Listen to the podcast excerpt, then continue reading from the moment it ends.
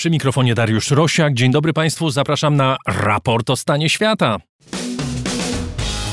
Impas na froncie i problemy polityczne w wojnie Ukrainy przeciwko Rosji. Rosjanie atakują pozycje ukraińskie na wschodzie i południu kraju, ale żadnej ze stron nie udaje się znacząco przełamać linii przeciwnika. Na granicy polsko-ukraińskiej trwa blokada. Polskie firmy, które straciły część rynku unijnego, domagają się przywrócenia zezwoleń na przewóz towarów po Europie dla Ukrainy. Ukraińscy politycy coraz częściej oskarżają Polaków o sprzyjanie Rosji. Jak wygląda militarny i polityczny obraz wojny na początku trzeciej zimy po rosyjskiej agresji? W Dubaju rozpoczyna się szczyt klimatyczny COP28.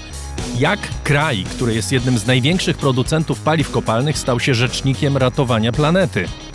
W Portugalii kryzys rządowy zakończony ustąpieniem premiera. Czy chodzi tylko o lit i zieloną energię?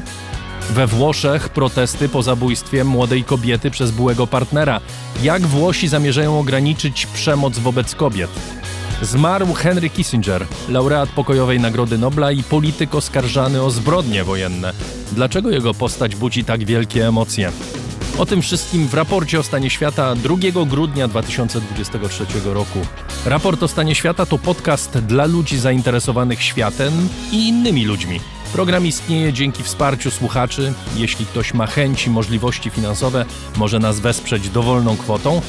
A jeśli ktoś chęci i możliwości nie ma, zapraszamy do słuchania i tak, bo jesteśmy programem otwartym. Właśnie dzięki tej pierwszej grupie słuchaczy. Za wszystkie wpłaty z serca Państwu dziękuję. Zapraszam zainteresowanych dołączeniem do grona patronów raportu na mój profil w serwisie patronite.pl. Adrian Bąk jest dziś wydawcą programu, Chris Wawrzak realizuje dźwięk. Jesteśmy w studiu Efektura w Warszawie.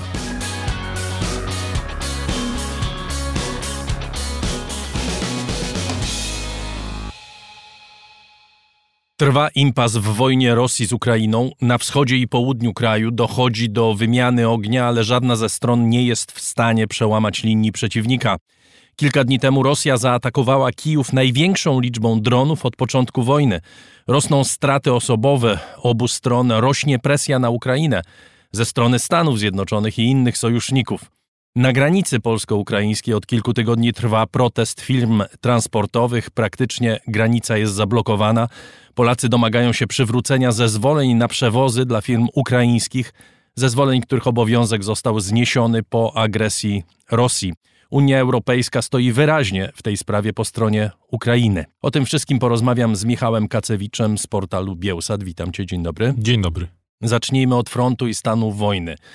Mamy kilka kierunków, kilka miast, y, których nazwy się powtarzają w tych ostatnich tygodniach, przede wszystkim Adijewka, atakowana przez Rosjan, ale generalnie nie ma przełomu. Ta wojna stała się wojną pozycyjną, jak mówił niedawno generał Załużny, czasem porównywaną do I wojny światowej. Mamy ruchy kilkuset czy kilkudziesięciu metrów na tej pierwszej linii frontu, ale nic się nie dzieje, prawda?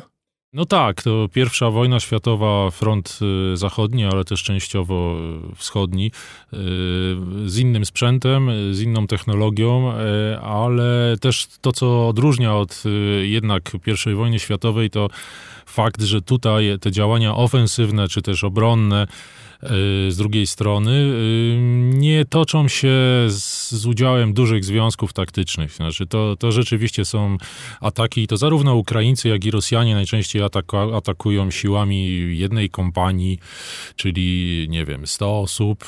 Ataki, w których No to bierze... i tak dużo, bo pojawiają się tak samo doniesienia, że to są grupy kilkunastoosobowe, które no, po prostu próbują są atakować. to no, często bardzo są to drużyny wręcz, czyli dosłownie jest to parę, paręnaście osób, więc e, Ukraińcy próbują się przedzierać, zwłaszcza na tym froncie odcinku zaporowskim, próbują się przedzierać gdzieś przez te pola minowe. Jest to bardzo żmudne e, zadanie. Nie mogą używać e, ciężkiego sprzętu pancernego, czy też opancerzonego, dlatego że no właśnie są te pola minowe, jest, jest działalność artylerii wspomaganej przez e, rozpoznanie z powietrza przez, przez drony.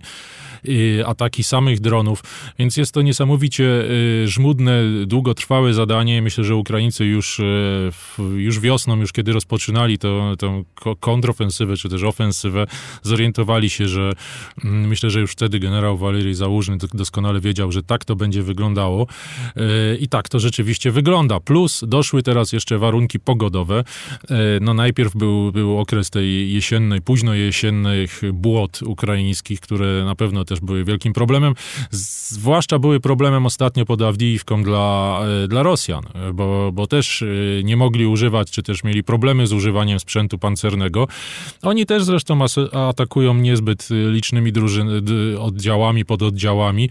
E, to, to, to te falowe ataki, o których się często mówi, one tak przemawiają do wyobraźni, to nie do końca tak to wygląda. To nie jest fala, powiedzmy, tysięcy ludzi, która biegnie gdzieś tam, to są raczej właśnie grupy kilku, kilkunastoosobowe, aczkolwiek powtarzane są te ataki często w jednym miejscu, czy też w miejscach obok e, bardzo często i, e, i, i Rosjanie intensyfikują tego typu ataki, ponoszą przy tym gigantyczne straty. No ale najwyraźniej dowództwo rosyjskie doszło do wniosku, że ten parytet, e, powiedzmy, zasobów, mówiąc brzydko, ludzkich po stronie rosyjskiej, co jest prawdą, jest, jest większy niż po stronie ukraińskiej, w związku z czym trwa tego typu wojna na zbijanie sobie wzajemnie pionków. I tutaj, y, biorąc pod uwagę dłuższy okres czasu, w dłuższym okresie czasu, niestety, ale Rosja będzie zyskiwała przewagę. Co jest największym problemem Ukrainy w sensie militarnym? Czy to jest, tak jak sugerują politycy, brak sprzętu, brak tych dostaw z zachodu, zwłaszcza broni dalekiego zasięgu? Czy Amunicji. ogromne straty, o których też się mówi? Że ci, którzy zaczynali wojnę po stronie ukraińskiej, już albo nie żyją, albo są kontuzjowani, albo z innych powodów są odsunięci z tej pierwszej linii frontu, czy może jeszcze trzecia rzecz, o której też się wspomina, to jest morale żołnierzy. I to nawet nie chodzi o to, że oni przestali wierzyć w to, że wygrają, ale mają ogromny żal i ogromne pretensje do polityków ukraińskich. O tym się mówi jako o realnych powodach tej stagnacji i braku postępów na froncie. A Twoim zdaniem, co jest największym powodem właśnie tego braku przełamania? No na pewno y, kwestia sprzętu jest istotna, kwestia y, amunicji, o której teraz się mówi, że y, no, te dostawy się kurczą, czy też w perspektywie mogą się skurczyć i to, to będzie problem. Ukraińcy będą musieli zacząć, krótko mówiąc, oszczędzać amunicję. Zwłaszcza jeśli chodzi o amunicję artyleryjską, tą najbardziej potrzebną, 155 mm. No tutaj mogą się pojawić problemy. Natomiast kwestia ludzi, to powiedziałeś o, o, tym innym powodzie. No ten inny powód to jest po prostu zmęczenie ludzi, zmęczenie żołnierzy. Oni nie mogą przecież od początku wojny przez tak długi okres y, czasu cały czas przebywać w warunkach frontowych. To, to nie jest zwyk, zwyczajnie mówiąc możliwe. Musi nastąpić rotacja. I teraz y, ta rotacja y, polega na tym, że mobilizowani są ludzie, ja będąc wiele razy na Ukrainie, nawet niedawno, no to się zwraca uwagę, że kiedy widzi się w miastach, nie mówię o miastach, y, o miejscach przy, położonych w strefie przyfrontowej, ale w miastach oddalonych, kiedy się widzi żołnierzy, którzy widać wrócili na przepustkę, są z rodzinami, no to rzuca się w oczy, że to są ludzie w wieku 40, plus, a często nawet więcej, chociaż to jest dyskusyjne, bo e, taka ocena wieku, ale na pewno nie są to e, młode chłopaki.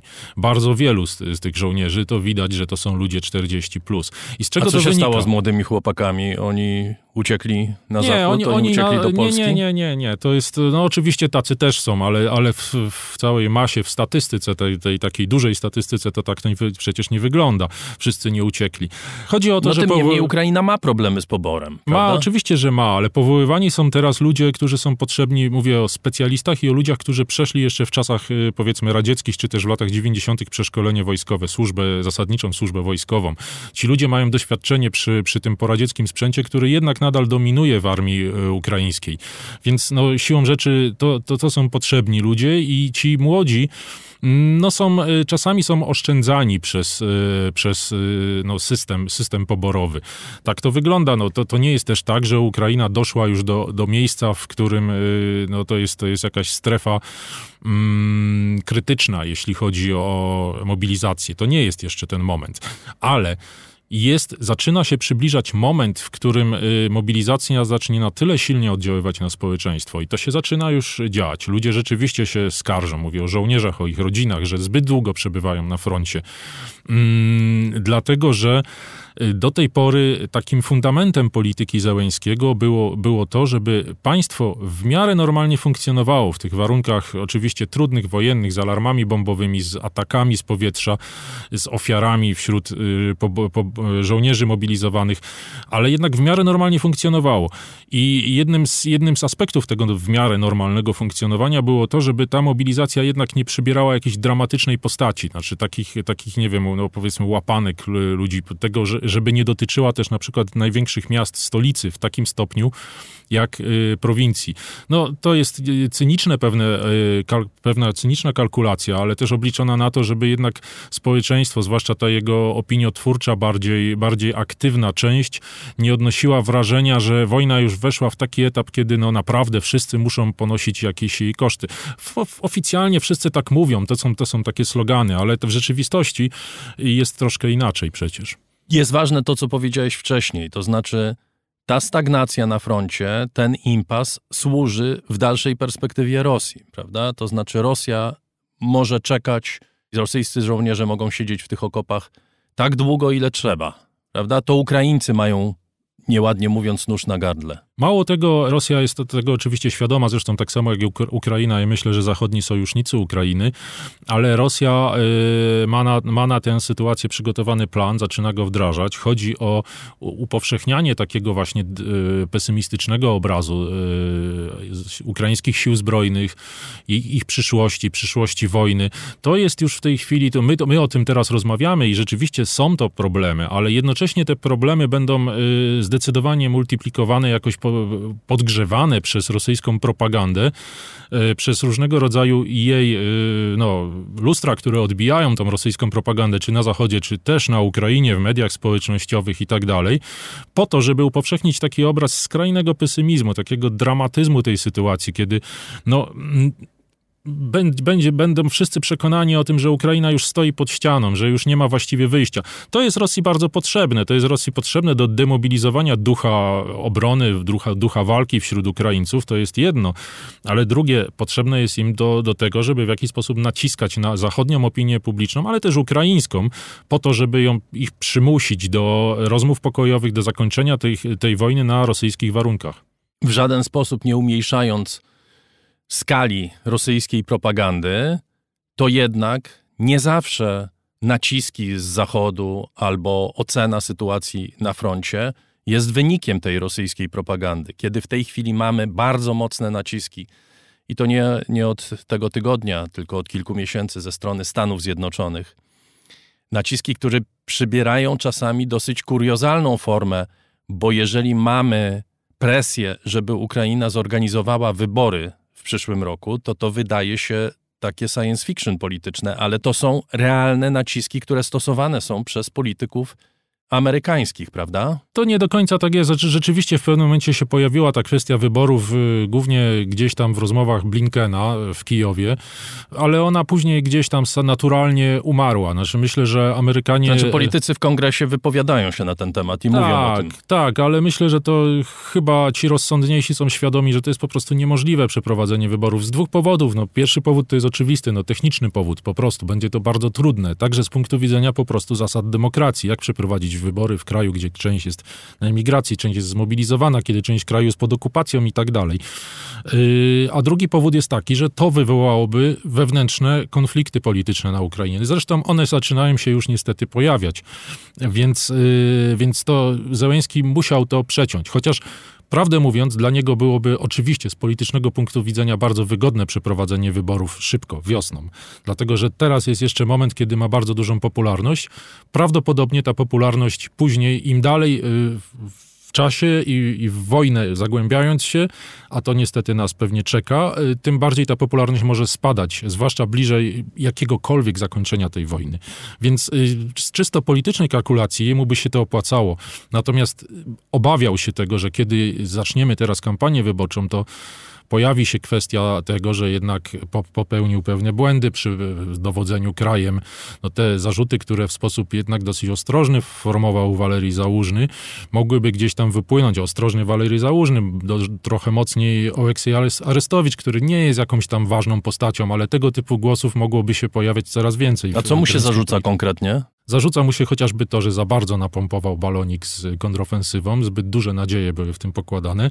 Zarzuca mu się to, że zbyt szybko została ta kontrofensywa rozpoczęta, nie, niekoniecznie dobrze przygotowana i, i te oczekiwania były zbyt wielkie, a, a, a, a i tam są jeszcze inne kwestie, jak na przykład uporczywa obrona Bachmutu. No, tych zarzutów jest, jest wiele tak naprawdę, ale myślę, że one byłyby mocno podgrzewane, gdyby rozpoczęła się kampania wyborcza. Porozmawiajmy o tym, co się dzieje na granicy polsko-ukraińskiej. Mamy chyba dwa wymiary tego kryzysu. Pierwszy to jest czysto gospodarczy, który można opisać bez emocji. Drugi jest chyba znacznie bardziej dotkliwy, i medialnie nośny, czyli wymiar polityczny. I może od tego gospodarczego zacznijmy, żeby mieć to z głowy, żebyśmy wiedzieli, o co tak naprawdę chodzi.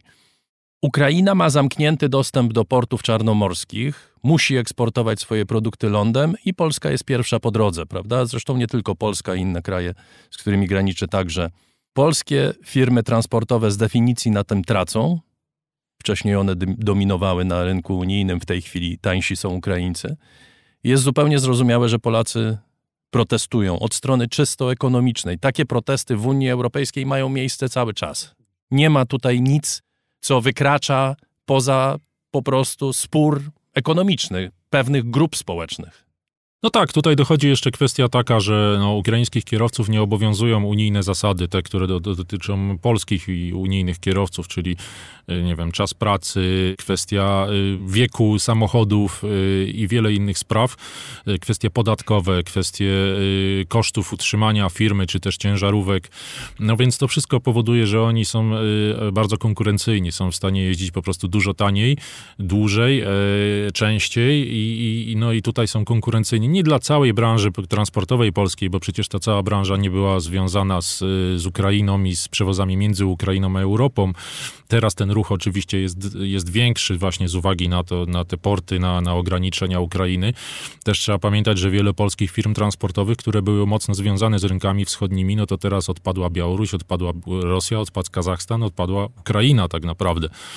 E, więc e, to jest, to jest dla nich problem. E, to zbudowanie takiej firmy, powiedzmy średniej, to nie jest tak od razu, to trzeba wypracować sobie pewne kontakty, kontrakty, to trwa latami czasami, no i nagle to się skończyło, więc te firmy, które były skoncentrowane na rynkach wschodnich, niewątpliwie znalazły się w dużym, bardzo trudnym położeniu, a jednocześnie mamy firmy ukraińskie, które z łatwością weszły po prostu na ten, na ten rynek tych, tych połączeń między, no tutaj niecałym rynkiem, rynkami wschodnimi, a niecałymi rynkami wschodnimi, a Ukrainą, a Europą, e, także przewozami z Unii Europejskiej na Ukrainę, które są znaczące.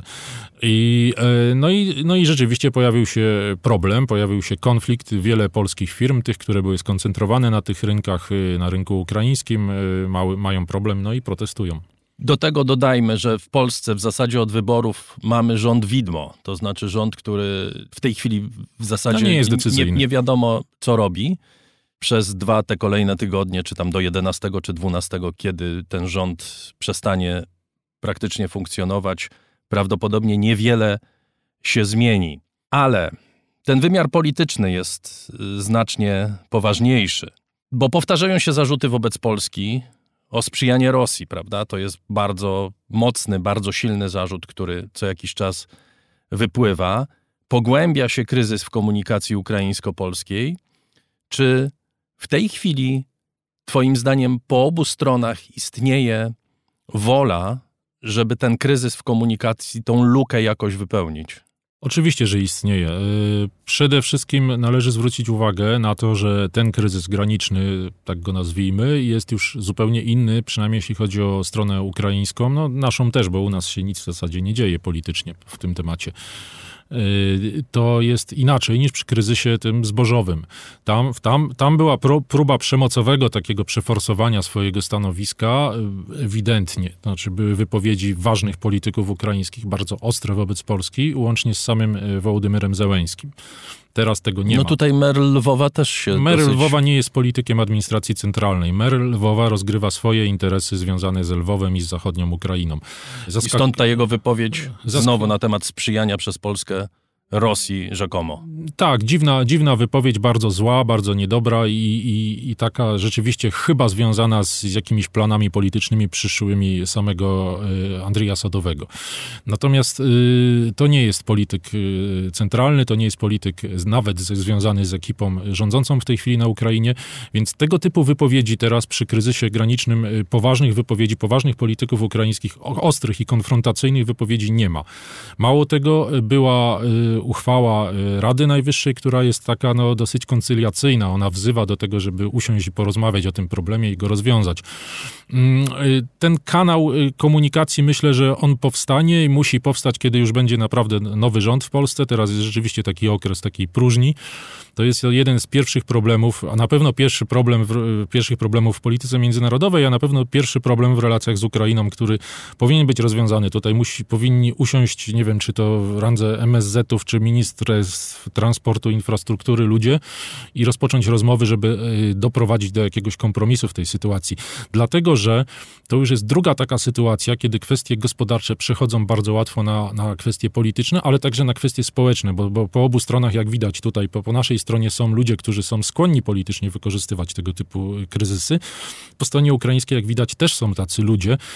W tamtym przypadku to było na, na, była próba przeforsowania przez rząd, przez y, samego Zełęńskiego. Teraz mamy z kolei polityka regionalnego, który też próbuje coś na tym ugrać.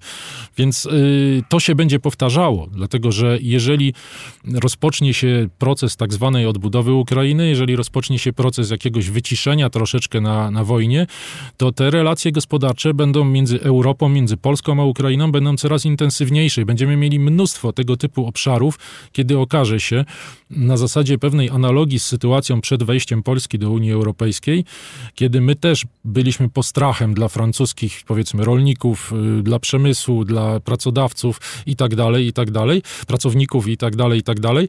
Więc tego typu sytuacje będą się powtarzały w różnych obszarach y, gospodarki. Ona, te, ta gospodarka ukraińska się skurczyła, ona jest w kryzysie, ma, ma wielkie problemy, ale jednak potrafi być konkurencyjna w wielu y, dziedzinach wobec polskiej gospodarki, wobec unijnej, więc jeżeli nie będzie wypracowana wypracowany jakiś model rozwiązywania tego typu kryzysów, żeby one nie przelewały się łatwo na, na sferę polityczną i społeczną, kiedy społeczeństwa zaczną się obrzucać obelgami za to, że jedni albo drudzy są niewdzięczni, mm, no to źle to się wszystko skończy. Więc no tutaj jest to ostatni dzwonek, żeby przy okazji kryzysu granicznego tak naprawdę dojść do jakiegoś sensownego porozumienia i wypracować model współpracy. To wszystko dzieje się w przededniu czy na początku trzeciej zimy wojennej. To nie jest tak jak poprzednio, prawda, że mieliśmy te ponure wizje, że być może Ukraina się zawali, że nie da rady.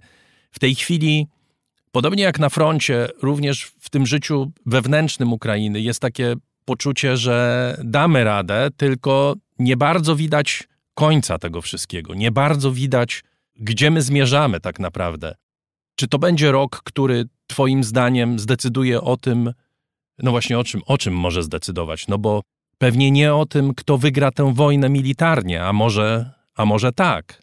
A może to jest moment, w którym dojdziemy do miejsca, w którym trzeba będzie usiąść do stołu.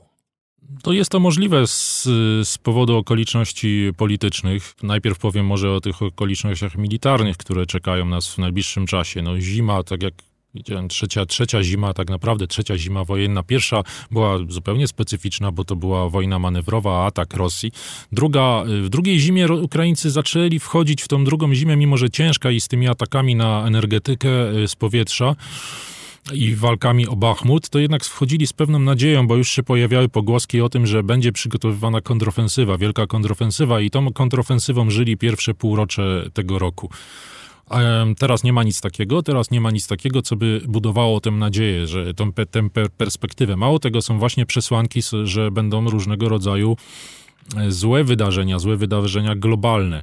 E, no, wybory w Rosji. To na pewno są rzeczy, wiadomo jaki ich będzie rezultat i, i czym są te wybory, ale wybory prezydenckie w marcu, y, Putin do tego czasu pewnie będzie chciał, takie, tak przynajmniej Ukraińcy myślą, że będzie chciał coś zrobić, czyli przeprowadzić na przykład jakąś zimową ofensywę. Zresztą w ubiegłym roku też przecież była, y, podejmowane były próby działań ofensywnych ze strony rosyjskiej.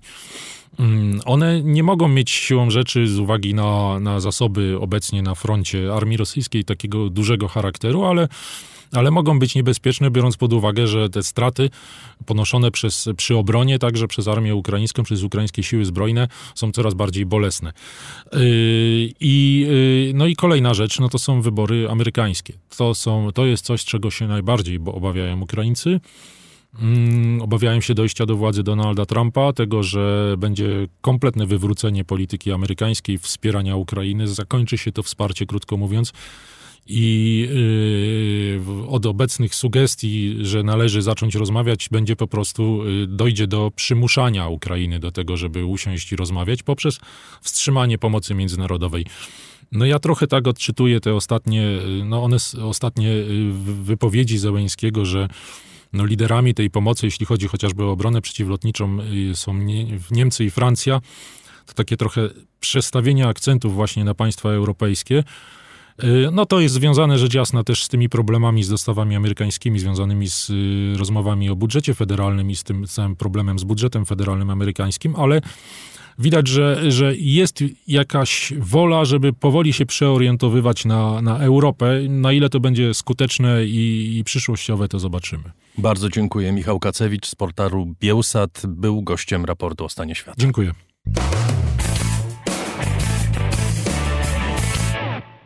W Dubaju rozpoczął się w czwartek szczyt klimatyczny COP28, czyli konferencja stron, zgromadzenie przedstawicieli oficjalnych i mniej oficjalnych prawie 200 państw.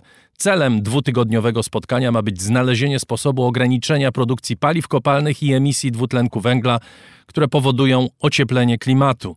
Osiem lat temu w Paryżu państwa uczestniczące w konferencji podpisały zobowiązanie do powstrzymania emisji tak, by temperatura na Ziemi nie wzrosła powyżej 1,5 stopnia Celsjusza. Jednak wprowadzenie w życie tego zobowiązania jak dotąd następuje wolno i szczątkowo. W tym roku ogromne kontrowersje wzbudził fakt zorganizowania konferencji w Zjednoczonych Emiratach Arabskich, czyli kraju, który jest jednym z największych na świecie producentów paliw kopalnych, ropy i gazu. Co więcej, na kilka dni przed rozpoczęciem obrad BBC ujawniła dokumenty, z których wynika, że przewodniczący konferencji, Sultan Al-Jaber, który jest równocześnie szefem największej emirackiej firmy wydobywczej ADNOC, miał lobbować w interesach spółki w sprawach rozwoju współpracy właśnie przy wydobyciu i przerobie paliw kopalnych z przedstawicielami co najmniej 15 krajów. Jest z nami Mariusz Borkowski, były korespondent polskich mediów na Bliskim Wschodzie. Witam pana. Dzień, Dzień dobry. dobry Państwu. To jest ogromne wydarzenie o wielu aspektach. Najważniejszy z tych aspektów to jest oczywiście walka ze zmianami klimatu, próba porozumienia głównie na temat tego, kto i ile ma za to płacić, ale z pewnością początek konferencji przyćmiły wyniki tego śledztwa, o którym e, wspomniałem, śledztwa BBC i organizacji Center for Climate Reporting. Zaraz o tym porozmawiamy, ale chciałem najpierw kontekst przedstawić. Mówimy o kraju, który jest, no można powiedzieć, częścią problemu, to znaczy jednym z największych producentów ropy i gazu. Dla niego organizacja tego wydarzenia to jest po pierwsze kontrowersyjna dla wielu innych, ale dla tego kraju to jest ogromny sukces propagandowy, prawda? No to jest ogromny sukces. No, jedni z obserwatorów, niektórzy obserwatorzy twierdzą, że e, sam Jaber, który stanął na czele tejże konferencji, to przypomina konferencję poświęconą zwalczaniu raka przez e, szefa koncernu tytoniowego produkującego papierosy.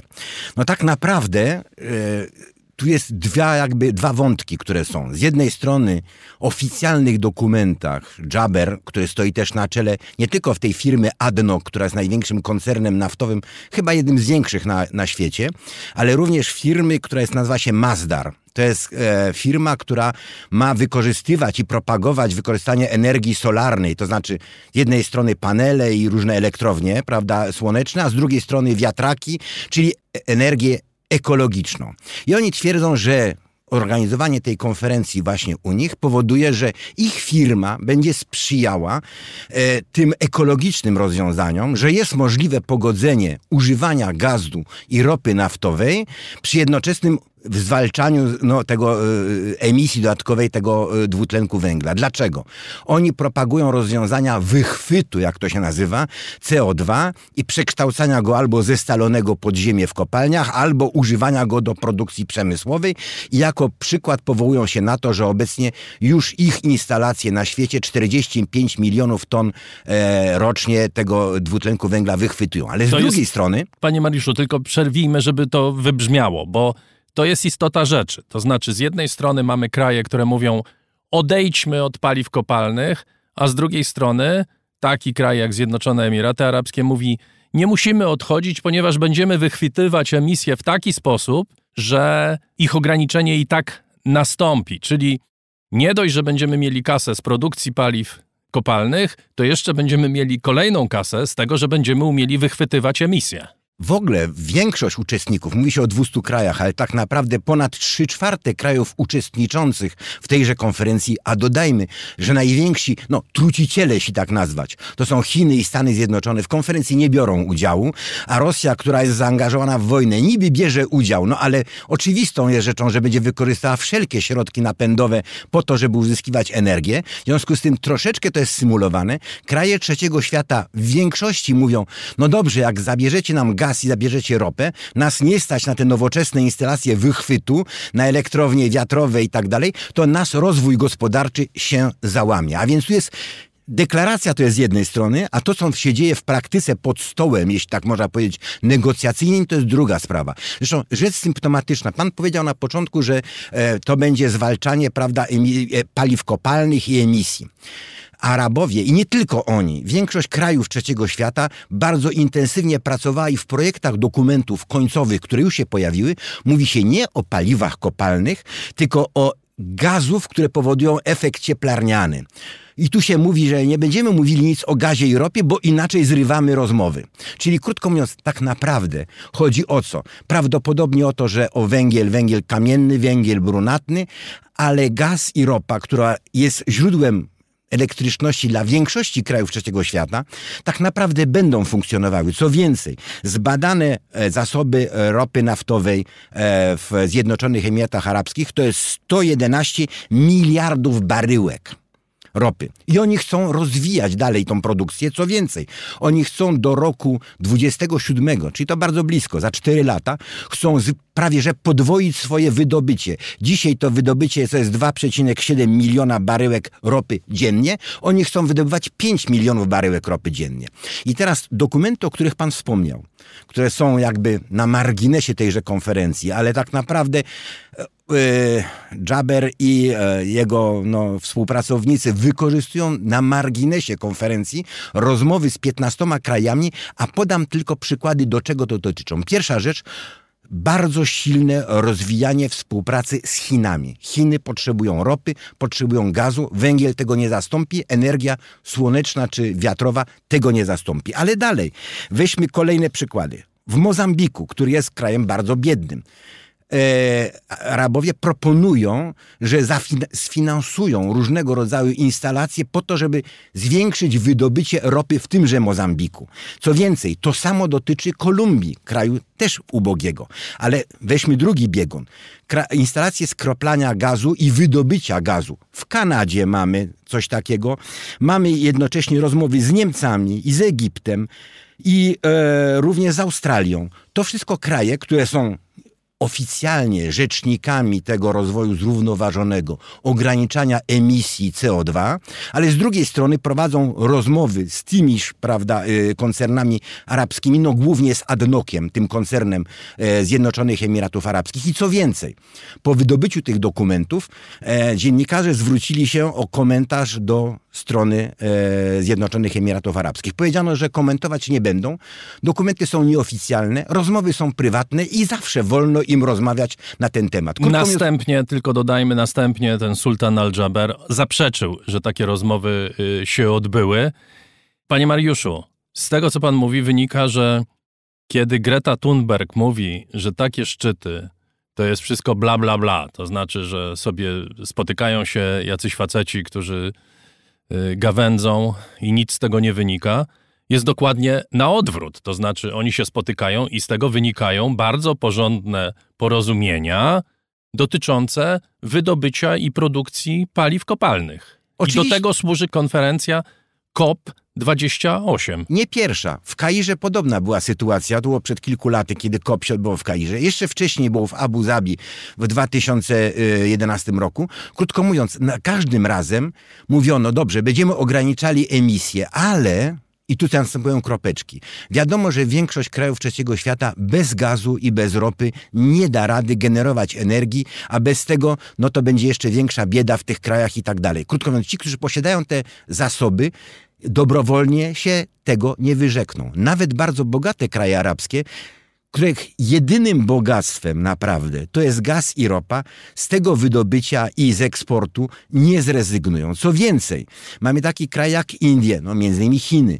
które intensyfikują produkcję z uwagi na kwestie zamożności kraju, chcą podwyższać dobrobyt, prawda, ludności, potencjał gospodarczy kraju te kraje intensywnie używają różnych źródeł energii, również używają technologii, które są niesłychanie szkodliwe.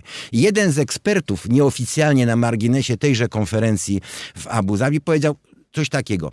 Proszę panów, tak naprawdę Europa jest małym pokoikiem w wielkim mieszkaniu. Jeśli ten pokoik będziemy w cudzysłowie ogrzewali, ale reszta mieszkania będzie zimna, to w całym mieszkaniu będzie zimno i to samo dotyczy Europy. Europa intensywnie walczy z emisją CO2, ale tak naprawdę większość skażenia będzie pochodziła z Ameryki Północnej, z Australii, z Azji i z Afryki. W związku z tym tak naprawdę ta walka, o której mówimy, żeby ograniczyć wzrost, to co konferencja paryska mówiła, no nie więcej jak dwa stopnie, żeby wzrosła temperatura, a najlepiej 1,5, to już teraz mamy ten poziom osiągnięty w roku 23. To jest nierealne. Zresztą eksperci z ONZ e, wysunęli taki, mm, tak, taką koncepcję, że jeśli byśmy chcieli tak naprawdę utrzymać ten cel konferencji paryskiej przed 8 lat, wzrost temperatury ogólnej na świecie średniej nie więcej jak półtora stopnia, to musielibyśmy wychwytywać, proszę Państwa, prawie że tyle, ile wynosi genera, ile ge, produkujemy energii na całym świecie po to, żeby wychwycić to wszystko. To jest nierealne. My obecnie wychwytujemy około 2% skażenia. Koncerny naftowe, które deklarują w swoich ulotkach szczytne cele, poświęcają ze swojego bogactwa zaledwie 1% na badania, na technologię wychwytu, czy też propagowania energii przyjaznych dla środowiska. Czyli wszyscy chcą, żeby klimat y, się poprawiał i sytuacja wokół ocieplenia klimatu jakoś została rozwiązana, tylko nikt nie chce za to płacić i to jest od początku, kiedy dyskutuje się na ten temat, to jest cały czas ten sam problem. I teraz żeby z tej naszej rozmowy nie wynikło nic poza cynizmem i takim przekonaniem, że tak naprawdę oni naprawdę spotykają się po to, żeby się dogadywać w sprawach, które przynoszą pieniądze państwom uczestniczącym w tej konferencji, to powiedzmy, bo to ważne jest, że w pierwszym dniu udało się skłonić uczestników do zgody na stworzenie funduszu pomocy dla krajów biednych, na przeciwdziałanie skutkom klęsk naturalnych, takich jak powodzie czy susze, Amerykanie między innymi się nie zgadzali na to, w tej chwili się zgodzili. To chyba jest jakiś sukces y, właśnie przewodniczącego Al-Jabera. Może chodzi o to, żeby zamknąć usta krytykom, no ale kiedy widzi się sumę, jaka została przeznaczona, to jest 400 milionów y, dolarów, no to rzeczywiście to nie są pieniądze, które cokolwiek załatwiają. To są kropelki, że tak się wyrażę. Tak naprawdę trzeba znaleźć po pierwsze technologię, to jest bardzo kosztowne. Następnie wdrożyć ją do tego i musimy w jakiś sposób zneutralizować 32 miliardy ton CO2 rocznie po to, żeby nam temperatura nie wzrastała. Oczywiście trzeba pomagać tym krajom najuboższym, które nie mają ropy, nie mają gazu i w jakiś sposób muszą sobie poradzić ze skutkami klęsk, a no, żeby nie być pesymistą, ale jednak w tym roku, który był rekordowy pod względem temperatur, pamiętajmy, że w samej Kanadzie wybuchło 8 razy więcej pożarów niż 15 lat temu. Coś trzeba robić, tylko że tempo tych, tego zapobiegania. Zabraliśmy się za to dosyć późno. Oczywiście lepiej jest robić cokolwiek i przyłożyć nawet plaster na tą jątrzącą się ranę, niż nie robić nic. Ale tak naprawdę bez globalnego porozumienia, a w to ja niestety wątpię, żeby się na to Chiny zgodziły, Stany ograniczyły swoją produkcję CO2 i emisję, żeby Indie zgodziły się na zastosowanie technologii kosztownych, ale ograniczających to skażenie. Wspomnijmy tylko na demontowniach statków na wybrzeżu indyjskim, gdzie one są wypalane i emisja tego jest gigantyczne skażenie. Zresztą w wielu krajach trzeciego świata to służą za śmietnik dla wyrobów z krajów zamożnych, prawda? W związku z tym to jest bardzo trudne. I teraz konferencja oczywiście jest jakimś kroczkiem do przodu, z tym, że musimy zdać sobie z tego sprawę, że bez globalnego porozumienia poważnego i zaangażowania ogromnych funduszy, o których no, te 32 miliardy ton, no, to coś o tym świadczą, a neutralizujemy zaledwie 100 milionów ton. Więc to jest, to jest nieporozumienie. Ale bez tego naprawdę już nic nie ruszymy. Będziemy w kolejnych raportach wracać do y, skutków zmian klimatycznych, zwłaszcza w tych ostatnich latach, ale jeszcze na koniec chciałem wrócić do tego aspektu politycznego, czy może aspektu propagandowego. To jest kolejny sukces medialny w całej serii sukcesów państw Zatoki. Katar, Mistrzostwa Świata, teraz pośrednik w rozmowach między Hamasem a Izraelem, Arabia Saudyjska, porozumienie z Iranem mediowane przez Chiny, Mistrzostwa Świata w piłce nożnej w 30 roku, też y, bardzo silnie obecne w polityce regionu. No i teraz Emiraty, prawda? Ten kraj, który z jednej strony produkuje ropę w nieograniczonym niemal zakresie i dziś staje w awangardzie walki ze skutkami ocieplenia klimatu. Jak oni to robią? Po prostu oni się zdali z tego sprawę, że do tej pory no, funkcjonowali w oparciu o swoje bogactwo, że mogą wszystko kupić. Zdali sobie z tego sprawę, że samo bogactwo nic nie znaczy, że potrzebne im jest e, zjawisko, które się nazywa marka kraju, czyli dobry wizerunek kraju.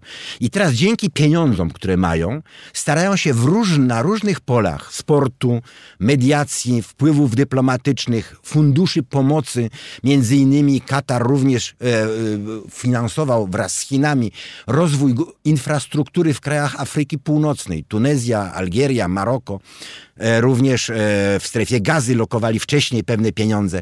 Krótko mówiąc, chodzi o to, o poprawę wizerunku. Oni chcą teraz wiedzą, że są bogaci, chcą zapewnić sobie dobry wizerunek i wpływ przez ten wizerunek no, na politykę międzynarodową, na losy świata.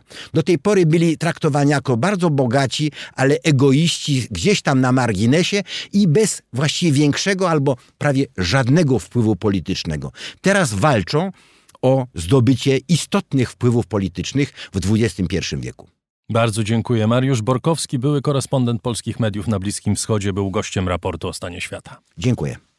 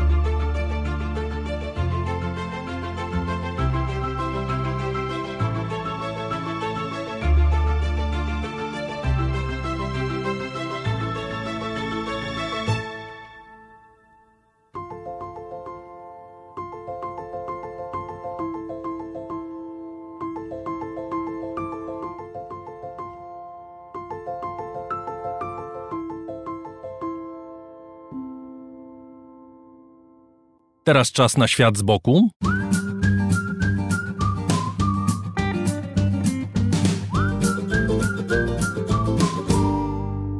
Grzegorz Dobiecki, na co dzień gospodarz programu Dzień na świecie w telewizji Polsat News, dziś o konserwatystach. choć o tym bohaterze epoki, który kilka dni temu umarł, dopiero w dalszej części programu. Do tej grupki, którą opisuje nasz boczny obserwator Henry Kissinger, zapewne nie pasuje.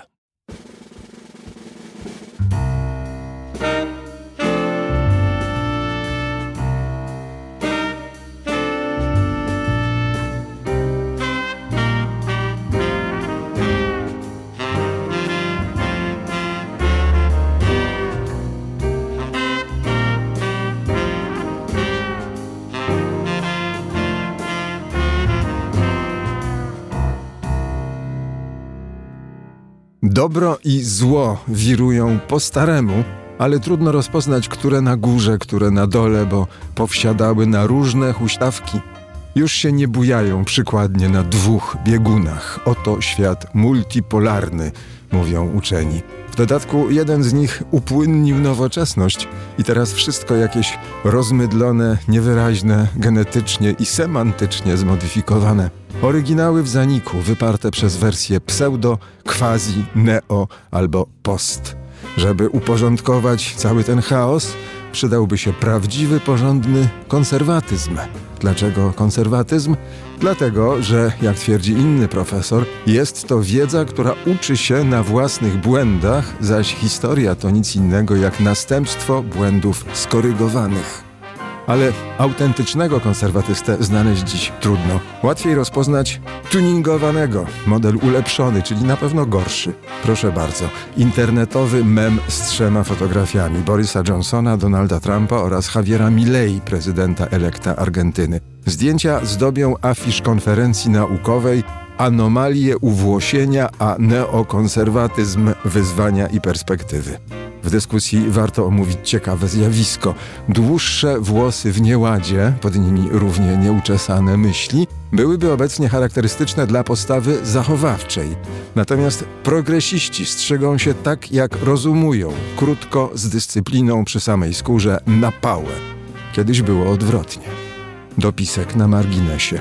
Wokół powyższych uwag niebezpiecznie blisko krążyło słowo łysi udało się go nie użyć i tym samym nie urazić pewnej grupy, która jak tyle innych grup może sobie nie życzyć, by nazywać się w sposób deprecjonujący, dyskryminujący i demotywujący do bliższych z nią kontaktów. W imię szacunku dla mniejszości należałoby zatem przyjąć określenie bardziej poprawne, na przykład skromnowłosi. Koniec dopisku na marginesie. Dla nowocześnie płynnych konserwatystów, by do nich wrócić, Typowa staje się gibkość wobec najtrudniejszych wyzwań geopolityki. Trump miałby być biczem bożym na Chińczyków, choć jeszcze niedawno się z nimi kolegował. Viktor Orban przeciwnie, coraz bardziej się z nimi brata, chociaż Trumpa wielbi z wzajemnością. Republikanie z GOP, starej wielkiej partii, miękną wobec Putina. Torysów też czekają trudne wybory, więc i ich stanowczość wobec Rosji może skruszeć. Za Izraelem, biorącym straszliwy odwet za napaść Hamasu, murem stoi Petr Fiala, quasi-konserwatysta z etykietą obywatelskiego demokraty, ale już nie Mark Rutte, postkonserwatysta liberalno-lewicowy. Takie zwierzęta istnieją, Leszek Kołakowski miał rację. Co różni konserwatystów od progresistów, każdy widzi. Nazwy określają postawy i vice versa. Pierwsi zwolennicy ancien regimu odżegnują się od postępu, któremu z kolei hołdują ci drudzy. Uniwersalną zasadność tego rozróżnienia podważają tymczasem amerykańskie badania porównawcze. Wynika z nich, że media o profilu konserwatywnym relacjonują rozwój sztucznej inteligencji w sposób znacznie bardziej pozytywny emocjonalnie niż media liberalne. Gdzie tu zachowawcza niechęć do postępu? Przecież AI to niewątpliwy progres. Zaraz jednak pojawia się zastrzeżenie badaczy. Media liberalne lepiej wyczuwają, że jest to postęp na dobre i na złe. Zaś zło, jak wiemy, po staremu wiruje w zmaganiach z dobrem, stosuje jednak coraz to nowe chwyty, o których jeszcze zbyt wiele nie wiemy. Ofiarą sztucznej inteligencji mogą paść najsłabsze, najbardziej wrażliwe kategorie społeczne. Takie obawy żywiliby progresiści. Wolni od takich rozterek byliby konserwatyści. W XIX wieku pionier liberalizmu John Stuart Mill twierdził, że konserwatyści niekoniecznie są głupcami. Niemniej tak się składa, że wśród głupców większość to konserwatyści. Dwa stulecia później Roger Scruton, jedyny w swoim rodzaju konserwatywny humanista i esteta, krytykował własny obóz bardziej subtelnie, jednocześnie wbijając szpile przeciwnikom. Przywiązanie do istniejącego stanu rzeczy tak paraliżuje konserwatystów, pisał Scruton, że nie naprawiają oni błędów popełnionych przez liberalną lewicę. Pojawiła się przecież nowa formacja reprezentowana przez kilku wcześniej wspomnianych polityków neo, post i quasi. Ów nurt można by określić jako konserwatyzm postępowy i zaraz przed nim przestrzec, gdyż przypomina on nie tylko z nazwy paraliż postępowy. Ten zaś, jak zauważył Boj Żeleński, najzacniejsze trafia głowy.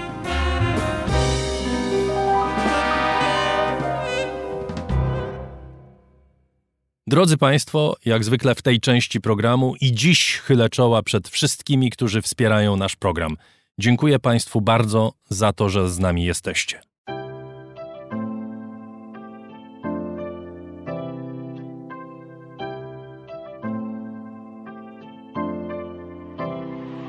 Raport o stanie świata od marca 2020 roku rozwija się dzięki Państwa zaangażowaniu i szczodrości. To dzięki Wam możemy opowiadać o świecie przy pomocy dźwięków. Dzięki Wam ten program jest przygotowywany w profesjonalny sposób z zachowaniem najwyższej jakości, bo na nią właśnie zasługują słuchacze raportu o stanie świata. Z serca dziękuję wszystkim Państwu za wpłaty. Wasza hojność jest dla mnie ogromnym zobowiązaniem. Zbiórka na patronite.pl ciągle trwa, zachęcam do udziału. Najhojniejsi patroni raportu o stanie świata to firma Ampio Smart Home, hotel Bania Termal w Białce Tatrzańskiej, oferujący pakiety pobytowe z termami w cenie. Centrochem, wiodący dostawca surowców chemicznych dla Twojego biznesu. Firma doradcza Crido. Galmet, polskie pompy ciepła. Sklep internetowy goldsaver.pl, w którym sztabkę fizycznego złota kupisz po kawałku i bez wydawania jednorazowo dużych kwot. Infinix, producent innowacyjnych smartfonów. Radosław Jotko.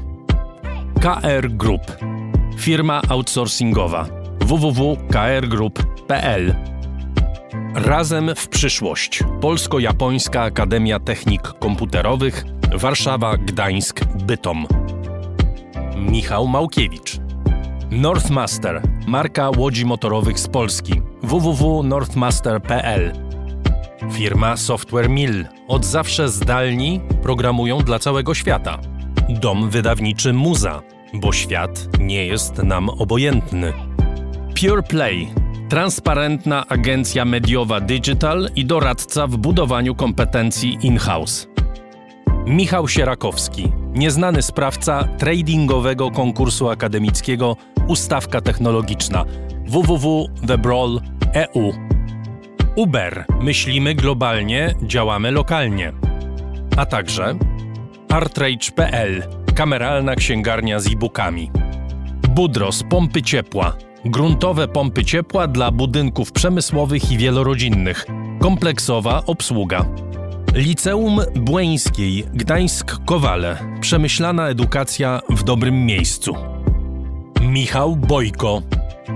CIO Net and Digital Excellence. Łączymy ludzi i idee. Grupa brokerska CRB. Ubezpieczenie należności dla Twojej firmy. Bezpłatne porównanie ofert www.grupacrb.pl Crystal Mountain. Luksusowy hotel w Beskidach z niezapomnianym widokiem i aquaparkiem. Dom pod niebem. Polski pensjonat w Tatrach Słowackich. Flexi Project kompleksowy i intuicyjny system do zarządzania projektami i portfelami projektów. JMP z miłości do sportu, z najlepszych tkanin w sercu Podhala szyjemy dla Was porządną odzież. Palarnia kawy La Cafo z Augustowa. LSB Data. Dedykowane aplikacje internetowe dla biznesu. Masz pomysł? Zrealizujemy go. lsbdata.com Wydawnictwo Uniwersytetu Łódzkiego. Wydawca książek serii Krótkie Wprowadzenie. Wszystko, co trzeba wiedzieć. Aplikacja Moja Gazetka. Polska proekologiczna aplikacja zakupowa z gazetkami promocyjnymi i nie tylko. Moja gazetka. Kupuj mądrze. Firma ODO24. Optymalny kosztowo outsourcing ochrony danych osobowych ODO24.pl. Firma Prosper z Sosnowca, hurtownia elektroenergetyczna i właściciel marki Czystuś. Marcin Rzeszutko, Mountain Running Guides, plany treningowe dla biegaczy i sportów kondycyjnych, mrguides.pl Tixto.pl, niezależny serwis biletowy. Sprzedamy bilety na Twoje wydarzenia kulturalne i sportowe. Drukarnia cyfrowa totem.com.pl Wspieramy wydawców i self-publisherów. Drukujemy najpiękniejsze książki. Fundacja Wasowskich, opiekująca się spuścizną Jerzego Wasowskiego i wydawca książek Grzegorza Wasowskiego. Szczegóły na wasowscy.com. Michał Wierzbowski. Wayman oprogramowanie wspomagające firmy inżynieryjne w zarządzaniu projektami, stworzone przez polskich inżynierów dla sektora projektowego. www.wayman Software. Zen Market, pośrednik w zakupach ze sklepów i aukcji w Japonii. Zen Market JP. Dziękuję bardzo. To dzięki Państwu mamy raport o stanie świata.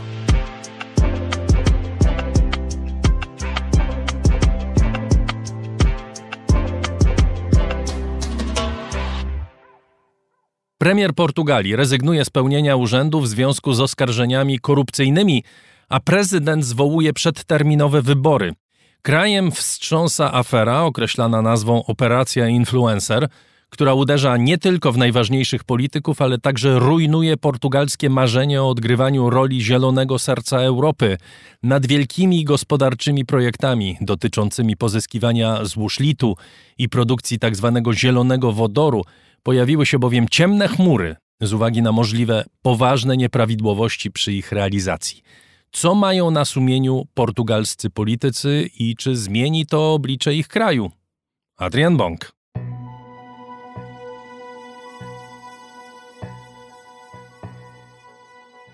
Siódmego listopada Portugalię obiegła wieść, że tamtejsza prokuratura zarządziła przeszukania w ponad 40 budynkach, w tym w nieruchomościach prywatnych, kancelariach adwokackich, ale także ważnych instytucjach rządowych i ministerstwach.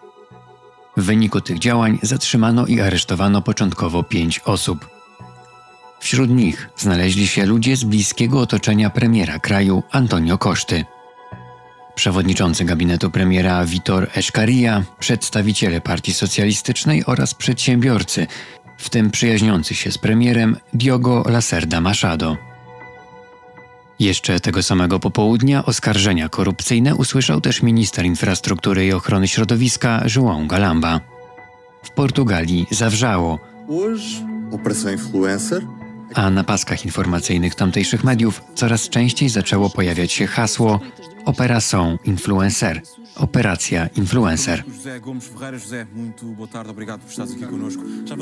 Na manhã de 7 de novembro, a PSP deu início w której centrum miał się znaleźć sam premier. Dzień po przeszukaniach prokuratury Antonio Costa nagle ustąpił z urzędu. Godności urzędu premiera nie da się pogodzić z jakimikolwiek podejrzeniami co do uczciwości, dobrego zachowania, a tym bardziej z jakimikolwiek czynami przestępczymi. I menos ainda com a suspeita de prática de qualquer ato Mówił Koszta w specjalnym pożegnalnym przemówieniu. Po raz pierwszy w historii Portugalii urzędujący premier zrezygnował więc z uwagi na podejrzenia korupcyjne. Wielka polityczna sprawa, być może największa od wielu lat w portugalskiej polityce, rozpoczęła się jednak nie w tym miesiącu, a już kilka lat wcześniej.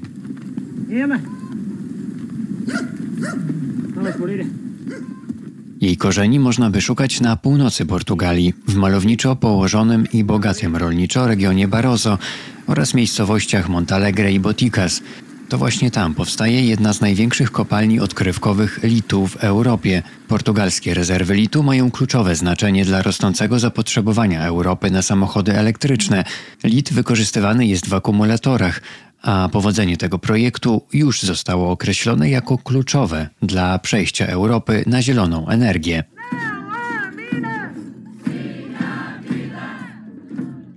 Projekt od samego początku wywołuje jednak kontrowersje. Protestują lokalni mieszkańcy, którzy uważają, że rozwój kopalni zniszczy środowisko naturalne. Tak mówił jakiś czas temu burmistrz miejscowości Boticas Fernando Quiroga dla telewizji Kanal Alto. Gdyby kopalnia została otwarta, sprzedawałbym mięso z litem albo miód z dodatkiem kurzu. Tak by się stało. To nie byłby miód z Barroso.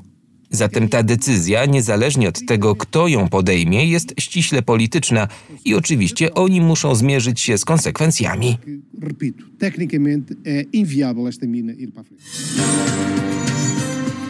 Ale sprawa kopalni litu odbija się szerokim echem w Portugalii nie tylko ze względu na kontrowersje co do samego wydobycia, ale także z powodu możliwych nieprawidłowości w przyznawaniu koncesji na wydobycie i eksplorację kopalni Romano w Montalegre, o czym już w 2019 roku informowano w programie publicznej telewizji RTP. Mówi Marta Paixão, iberystka przez wiele lat mieszkająca w Portugalii. Prawdopodobnie dzięki przepływowi pieniędzy i handlowania korzyściami zostały ominięte procedury dopuszczenia budowy czy rozwoju takiej infrastruktury, jeżeli chodzi o warunki środowiskowe, tak żeby przyspieszyć tą budowę. Więc jest bardzo prawdopodobne, że ta budowa w tej chwili może się nawet zatrzymać. A to też nie wszystko, bo podejrzenia dotyczą także innych inwestycji. Do korupcji miało dojść także przy flagowym projekcie wydobycia tzw. Tak zielonego wodoru w porcie Sinesz, który miał zostać wielkim hubem tego surowca. Był to mega projekt, który mógł potencjalnie mieć ogromny wpływ na najbliższą dekadę, może więcej, na gospodarkę Portugalii, na miejsce Portugalii być może nawet w strukturze energetycznej Europy, który przez to, że od początku był budowany na no, niejasnościach, które w tej chwili wychodzą na jaw, na pewno zostanie zahamowany. Inwestycją kibicował premier Portugalii Antonio Costa, który rok temu wygrał wybory ze świetnym wynikiem 42% głosów. Koszta obiecywał, że naprawi znajdującą się w stagnacji portugalską gospodarkę. Jednym z filarów polityki gospodarczej miały być inwestycje w energetykę i przyspieszenie działań w kierunku neutralności klimatycznej, także ze względu na wojnę na Ukrainie. Antonio Costa Pinto, politolog z Uniwersytetu Lizbońskiego, mówi, że obie te inwestycje są istotne dla kraju, ale pytanie o to, jakim kosztem przebiega i przebiegała ich realizacja. Lithium as always provokes some debate. Wydobycie litu zawsze wywoływało w Portugalii kontrowersje i spotykało się z różnymi reakcjami lokalnych społeczności. Wielka fabryka wodoru zasilana energią słoneczną to jedna z najważniejszych inwestycji w najnowszej demokratycznej historii państwa. Bez względu jak ta sprawa się zakończy, Portugalia, ale i inne państwa muszą sobie jednak zdawać sprawę, że nawet szczytne idee powinny być realizowane zgodnie z prawem i regułami gry.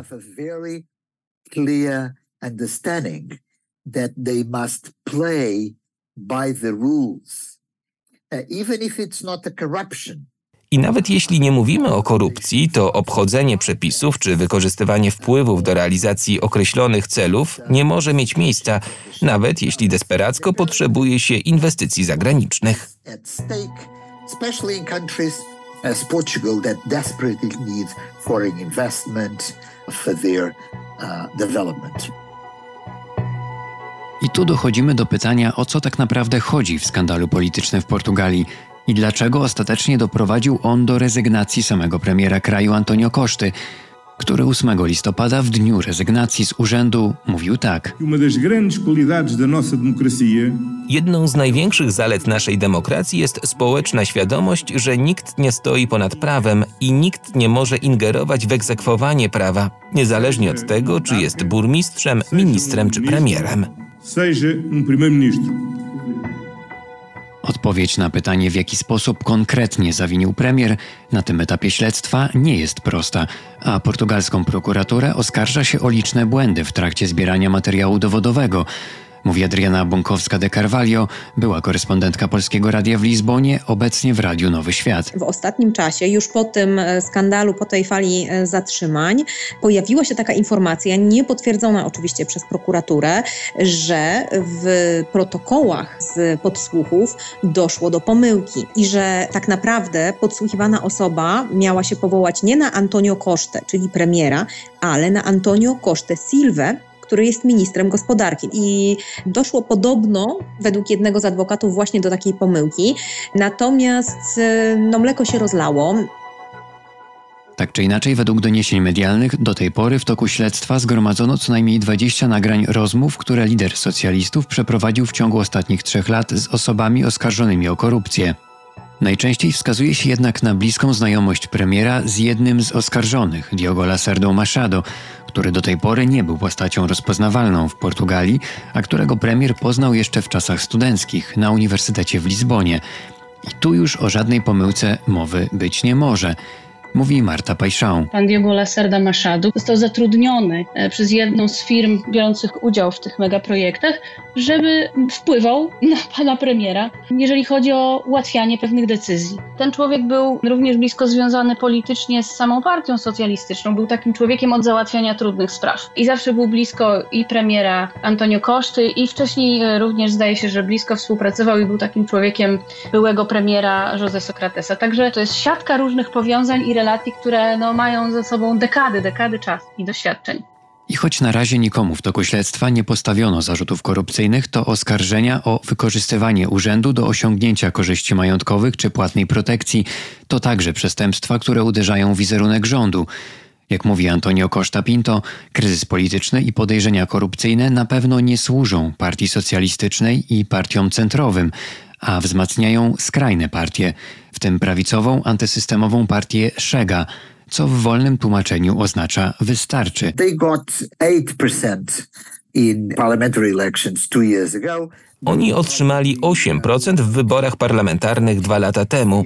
Myślę, że w przyszłorocznych wyborach mogą wznieść się na poziom 14-15%. Oznacza to, że socjaliści najprawdopodobniej będą musieli z nimi negocjować koalicję.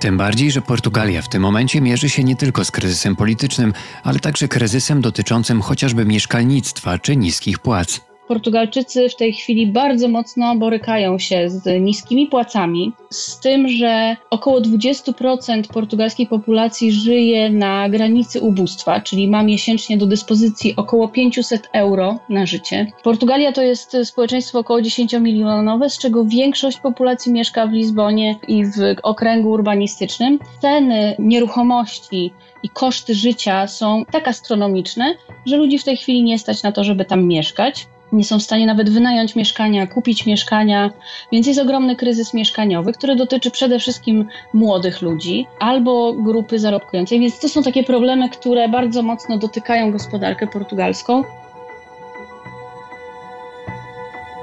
Tymczasem przewodniczący Partii Socjalistycznej Luis Montenegro obiecał, że jedną z priorytetowych spraw po kolejnych wyborach parlamentarnych będzie uregulowanie przepisów dotyczących lobbingu, a ściślej granicy między nielegalnym handlem wpływami i wykorzystywaniem stanowiska, a dopuszczalną prawnie i całkowicie legalną działalnością lobbyingową, mającą na celu oddziaływanie i wywieranie wpływu na władze publiczne.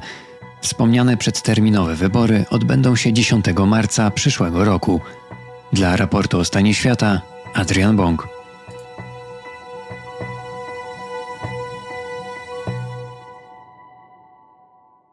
We Włoszech rozgorzała debata na temat przemocy wobec kobiet.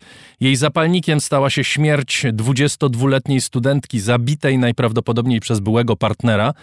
Morderstwo miało niezwykle brutalny przebieg i wywołało ogromne poruszenie i gniew włoskiej opinii publicznej. Jest z nami Anna Kowalewska, dziennikarka od lat mieszkająca we Włoszech. Witam cię, dzień dobry. Dzień dobry. Opisy tej zbrodni są niezwykle drastyczne. Myślę, że możemy je sobie darować, ale faktem jest, że 22-letnia kobieta Giulia Cecchettin została brutalnie zamordowana najprawdopodobniej przez byłego partnera. Śledztwo oczywiście nie jest zakończone, no ale wszystko na to wskazuje.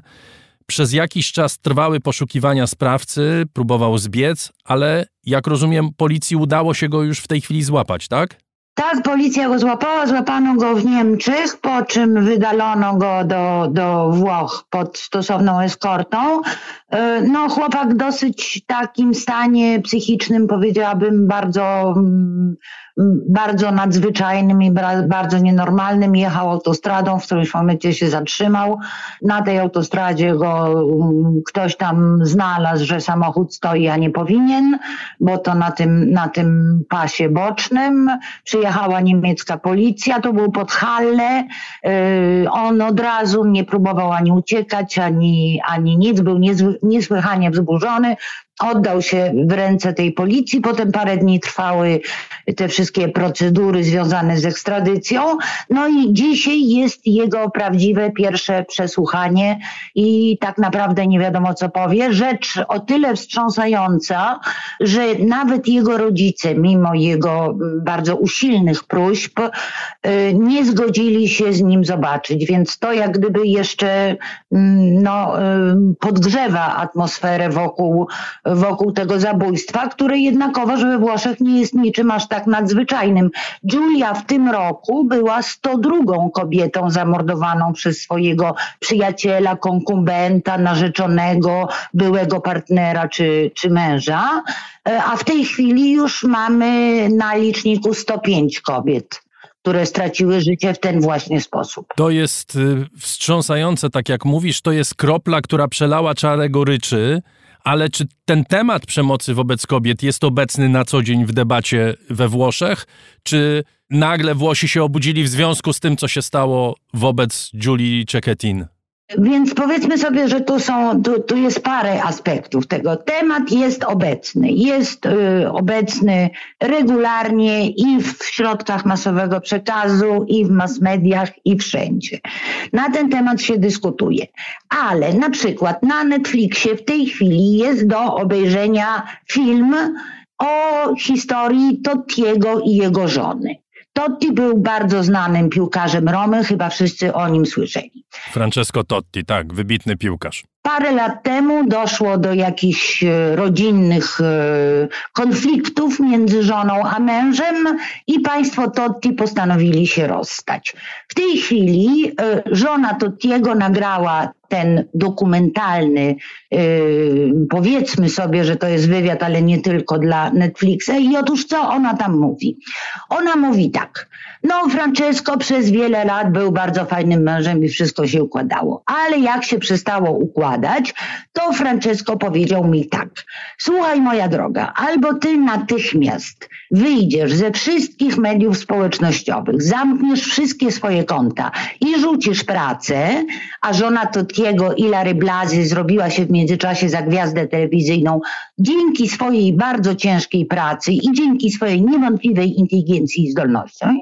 Więc albo ty przestaniesz prowadzić te wspaniałe programy telewizyjne, zamkniesz się w domu i zajmiesz się tylko mną i dziećmi, albo nie ma y, między nami żadnego porozumienia.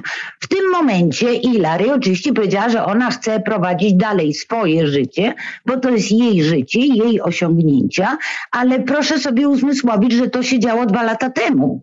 Czyli w zasadzie mówimy o kulturze maczyzmu, pewnie byśmy po latynosku to nazwali, która jest obecna cały czas we Włoszech, tak? Ale tak we Włoszech niespełna 40% kobiet, dokładnie 37, nie ma swojego konta w banku. Pomińmy to, że średnio we Włoszech pracuje 50% kobiet, a drugie 50% nie pracuje, bo jest na utrzymaniu męża, kochanka, partnera albo mm, rodziny. Na południu jest jeszcze gorzej, bo to jest tylko 30% kobiet pracujących, a reszta zajmuje się wyłącznie domem i rodziną. Ale fakt nieposiadania własnego konta w banku to jest coś, co się polskiej kobiecie w głowie nie mieści. Ja przeglądałem unijne statystyki przed naszą rozmową i szczerze mówiąc, one są dosyć zaskakujące. Statystyki dotyczące przemocy wobec kobiet w krajach Unii Europejskiej. Włochy są powiedzmy w dolnej strefie średniej, czyli mniej więcej 27% kobiet doznaje aktów przemocy, również, a może przede wszystkim ze strony byłych partnerów. Co ciekawe, Polska jest na samym dole. Polska jest na ostatnim miejscu w tej klasyfikacji. 19% y, kobiet dotyka przemoc. Na górze są kraje skandynawskie, Dania, Szwecja, Finlandia także około 50% albo więcej kobiet w tych krajach, które no nie kojarzymy raczej z tego typu zachowaniami, doznaje przemocy. To są dane Agencji Unii Europejskiej do spraw praw fundamentalnych. Zostawiając na boku metodologię, nie znam się na tym, być może te statystyki powinny być trochę inaczej czytane, ale to jest też tak, że nie kojarzą nam się niektóre kraje z przemocą, Włochy nam się kojarzą, okazuje się, że one są w tej środkowej strefie. Co nie zmienia oczywiście faktu, że tak jak mówisz, ta kultura, rozumiem, że kształtuje cały czas społeczeństwo. Kultura przewagi mężczyzn czy dominacji mężczyzn kształtuje to społeczeństwo włoskie. To jest wynikiem jak gdyby we Włoszech dwóch, e, dwóch rzeczy. Po pierwsze w 1930 roku e, wyszła encyklika Piusa XI Casti Conubi, która mówiła o tym, że nie ma mowy o żadnym równouprawnieniu między mężem a żoną i generalnie rzecz biorąc to mąż jest głową rodziny i to on rządzi. I teraz kodeks rodzinny dopiero w 1975 roku czyli troszkę tak powiedzmy 50 lat temu, e, dopuścił e, kobiety do zarządzania własnym majątkiem, bo tak to kobieta, nawet jeśli zarabiała pieniądze, to musiała pytać męża o to, czy ona je może wydać. Więc e, jak gdyby ta kultura jest, była niesłychanie we Włoszech długotrwała. W 1981 roku, czyli 42 lata temu, zniesiono wreszcie zbrodnię honorową. Zbrodnia honorowa polegała na tym, że mężczyzna, głowa rodziny, miał prawo zamordować kobietę, jeśli ta kobieta nie zachowywała się w sposób e, dopuszczalny moralnie. Może tak to y, określimy. W związku z tym, no, jak gdyby nic dziwnego, że biedny y, narzeczony, kiedy Julia chciała go opuścić, a bardzo chciała, i to wynika z y, już upowszechnianych y, w rozlicznych mediach, na przykład jej rozmów telefonicznych i jej czatów, no, zbuntował się i powiedział sobie, nie moja droga, albo ty będziesz moja, albo cię nie będzie. No. I to się, i to się dzieje na, na, na co dzień. Czy politycy w ogóle sobie zdają sprawę z tego, to znaczy pewnie sobie zdają sprawę, natomiast czy to jest tak, że to się skończy tak jak zwykle tym, że no prezydent mówi przemoc względem kobiet jest porażką społeczeństwa, to są piękne zdania, ale czy cokolwiek za tym twoim zdaniem pójdzie, czy to będzie tak jak zwykle, czyli pogadają sobie politycy i wrócimy do stanu, który był przedtem? Nie, już idzie, ale idzie bardzo powoli. W 2013 roku weszły w życie przepisy przeciwko y, temu tak zwanemu feminicidio, czyli jak to się brzydko mówi po polsku, kobietobójstwie. I te przepisy do pewnego stopnia działają, ale zanim to wejdzie do, y, że tak powiem, społecznego poczucia sprawiedliwości, no to jednak y, jest potrzeba trochę czasu. Wyobraź sobie, że y, i teraz znowu strona polityczna bywa różnie. Y, był taki założyciel ruchu pięciu gwiazd, jednej w tej chwili z dwóch y, bardzo opozycyjnych wobec rządu mm, Meloni partii. Ten założyciel nazywał się Beppe Grillo. W 2019 roku jego syn razem ze swoimi kumplami podczas wakacji na Sardynii w bardzo luksusowej willi e, zgwałcili dwie dziewczyny. Dziewczyny w tydzień posz później poszły na policję i powiedziały, że one zostały zgwałcone i wobec tego no tutaj może coś by z tym trzeba zrobić. Ten proces dalej trwa, a mamy rok 23. Tylko, że w 21 roku Grillo wystąpił w telewizji z rozdzierającą serię, y, serce tyradą na temat tego, że jede, jego niewinny syn jest pomawiany o jakieś e, brzydkie czyny, a on przecież niczego nie zrobił, bo te dziewczyny na pewno chciały zostać zgwałcone, skoro na policję zgłosiły to dopiero tydzień później. Mało tego, Nikt we Włoszech wówczas, a mówimy o czymś, co się działo dwa lata temu, nie podniósł głosu w obronie tych dwóch rzekomo zgwałconych, prawda? No bo dopóki sąd y, nie stwierdzi, to nie można jednoznacznie y, wypowiadać się o czyjejś winie. Nikt we Włoszech nie podniósł głosu w obronie tych dwóch dziewczyn, które padły ofiarą rzekomego gwałtu.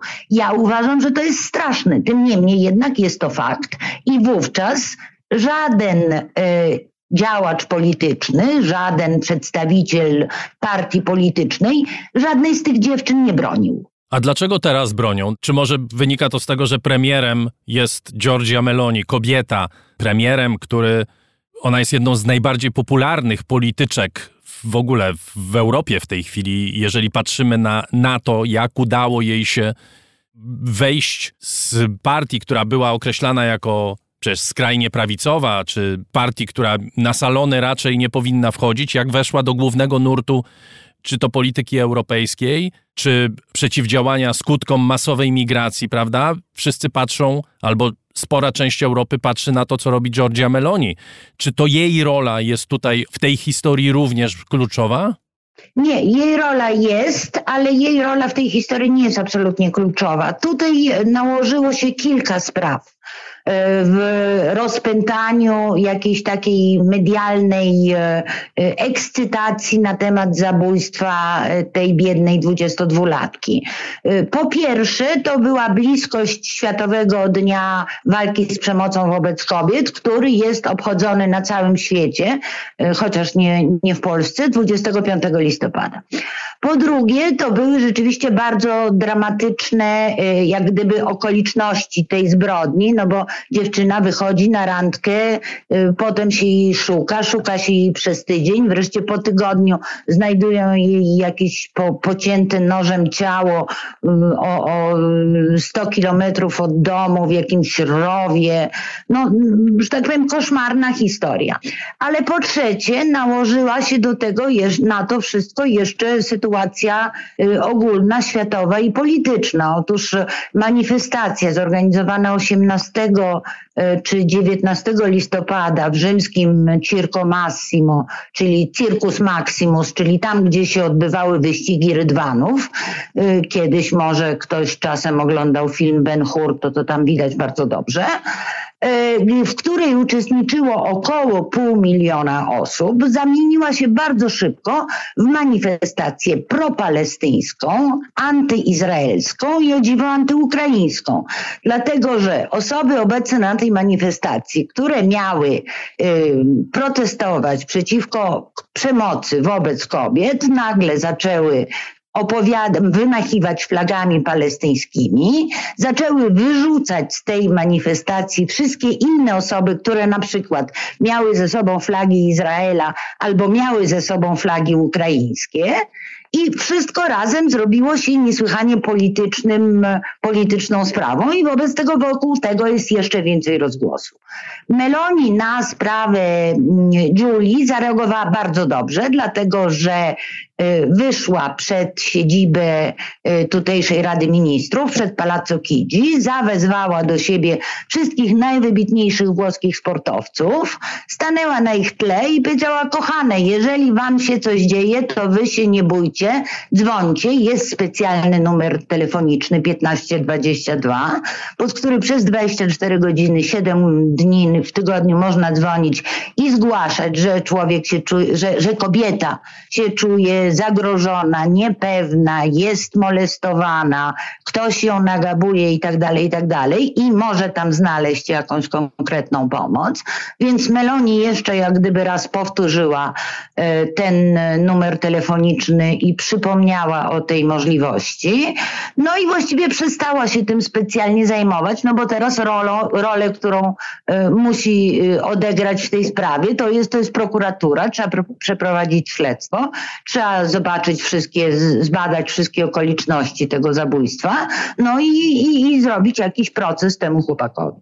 No jeszcze obiecała, że wprowadzi taką kampanię edukacyjną do szkoły, aby zwalczać, jak to nazwała, włoską kulturę mizoginistycznej przemocy. Ale to prawdopodobnie na deser, no tak robią politycy w takich okolicznościach. No nie, no problem z kampaniami w szkołach jest, że tak powiem, ogólnoznany i łatwo dostępny. Mianowicie zwykle ni, niczym, ni, nic z tego nie wynika. Tutaj trzeba zmienić e, dużo więcej niż wprowadzenie jednej godziny tygodniowo, czy nawet trzech w szkołach e, na temat tego, w jaki sposób należy podchodzić do swojego partnera, w jaki sposób można go traktować, a co już może być uznane za przemoc. Tu trzeba zmienić całą włoską mentalność, a przede wszystkim niech te kobiety zaczną sobie zakładać te konta w banku. Jeszcze skoro o Melonii i o zmianach mówimy, to chciałem Cię zapytać o coś z zupełnie innej dziedziny, ale to też dotyczy takiej zmiany fundamentalnej we Włoszech. Ten kraj miał prawie 70 rządów od wojny i teraz pani premier, jak rozumiem, wpadła na pomysł, żeby scena polityczna Włoch, zwłaszcza scena tych kolejnych rządów, była nieco stabilniejsza jest taka reforma, którą Giorgia Meloni nazywa matką wszystkich reform. Na czym ona miałaby polegać? Na początku pomysł Meloni polegał na tym, że można by było wybierać prezydenta w głosowaniu powszechnym. Prezydent jest wybierany w głosowaniu, owszem, ale tylko członków obu izb parlamentu. E, ponieważ to w żaden sposób nie przeszło, no to Meloni teraz wymyśliła, że może by tak zrobić, żeby to prezes Rady Ministrów był wybierany w głosowaniu powszechnym. E, reformy konstytucyjne we Włoszech mają to do siebie, e, że są praktycznie nie do zrealizowania. Polega to na tym, że powinny one przechodzić po zmianie każdego przecinka y, między jedną izbą a drugą, czyli między Senatem i izbą niższą i być kolejno głosowane. Jest to nierealne. Poza tym Meloni nie zdobędzie nigdy y, tak wielkiej, y, tak wielkiego poparcia dla tej idei, żeby to w ogóle było o czym konkretnie można rozmawiać.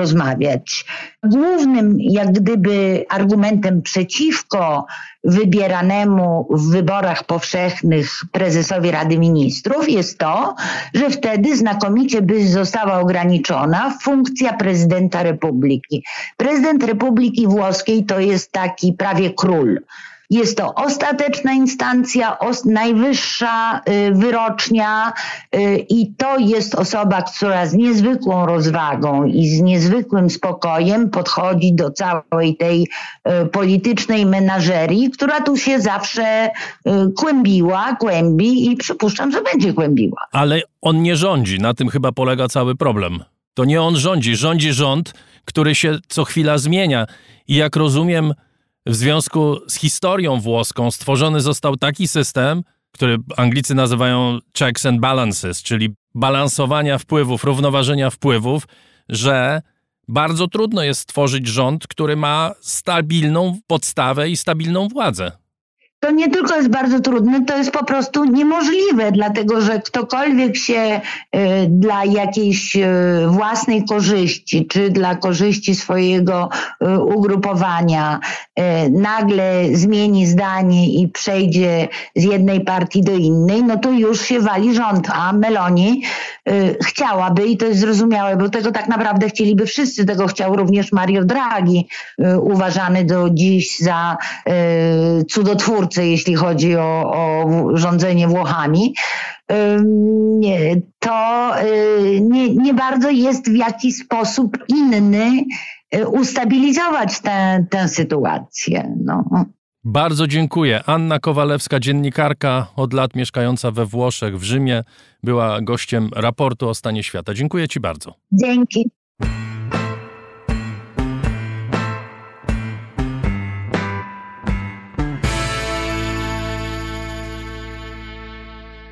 W wieku 100 lat zmarł Henry Kissinger, były sekretarz stanu, doradca do spraw bezpieczeństwa, który miał ogromny wpływ na politykę amerykańską lat 70., a i potem odgrywał znaczącą rolę jako ekspert i nieformalny komentator polityki amerykańskiej przez lata. Oskarżany o zbrodnie wojenne w Kambodży i nie tylko, laureat pokojowej Nagrody Nobla, ceniony i krytykowany równocześnie – jako wyznawca i praktyk realpolityki, zwłaszcza w stosunkach z Chinami i Związkiem Radzieckim. Z pewnością jedna z najważniejszych postaci powojennej Ameryki. Jest z nami dr Marcin Fatalski, amerykanista z Uniwersytetu Jagiellońskiego. Witam pana. Dzień dobry, panie redaktorze, dzień dobry państwu. Były premier brytyjski Tony Blair powiedział, że motywacją Kissingera była prawdziwa miłość do wolnego świata i potrzeba ochrony tego świata. Bardzo ładnie to brzmi. Zgadza się pan z taką opinią? Jeżeli to interpretować w taki sposób, jaki rzeczy widział Kissinger, to myślę, że Tony Blair ma rację, dlatego że Kissinger, pan o tym wspomniał, panie redaktorze, był wyznawcą realizmu, który nie jest interwencjonistyczny. To znaczy, że jest to założenie, które każe chronić wartości tam, gdzie one są, bez podejmowania próby przebudowy świata, która, której konsekwencją potencjalnie może być konflikt. W opinii Kissingera najczęściej był konflikt. Więc jeśli spojrzeć na to w ten sposób, że Kissinger chciał zachować pewną stabilność i chciał zachować ten wolny świat z jego prosperity, z jego wartościami, ewentualnie czekać na ewolucję innych systemów politycznych w kierunku demokratyzacji w sposób naturalny, to można tę opinię przyjąć. Jeśli jednak spojrzeć na to z boku i spojrzeć na to z perspektywy mniej fortunnych społeczeństw, czyli tych, które znalazły się w wyniku e, podziału po II wojnie światowej po złej stronie, tej nieszczęśliwej stronie żelaznej kurtyny, albo tej, które znalazły się w stanie konfliktu, tak jak Azja Wschodnia, no to wówczas to wówczas ta ocena e, sformułowana przez Tonego Blera się e, nie ostanie. No, jest to, to jest jedna z najtrudniejszych postaci, jeżeli chodzi o ocenę polityki XX stulecia. symboliczna dla pewnego nurtu myślenia politycznego, no ale ten nurt ma parę rzeczy na swoją obronę i możemy spróbować wystąpić tutaj w roli no, adwokata diabła. Dobrze, za chwilę będziemy bronić Kissingera albo go atakować, krytykować raczej może, ale powiedzmy parę słów na temat w ogóle tego, kim była ta postać, bo on był rzeczywiście bardzo specyficzną osobą, również jak na warunki polityki amerykańskiej z paru powodów. Z rodziną uciekł z Niemiec w ostatniej chwili w 1938 roku. Co ciekawe, w przeciwieństwie do wielu innych amerykańskich polityków, którzy pochodzili z rodzin imigranckich, Kissinger nigdy się nie pozbył swojego akcentu.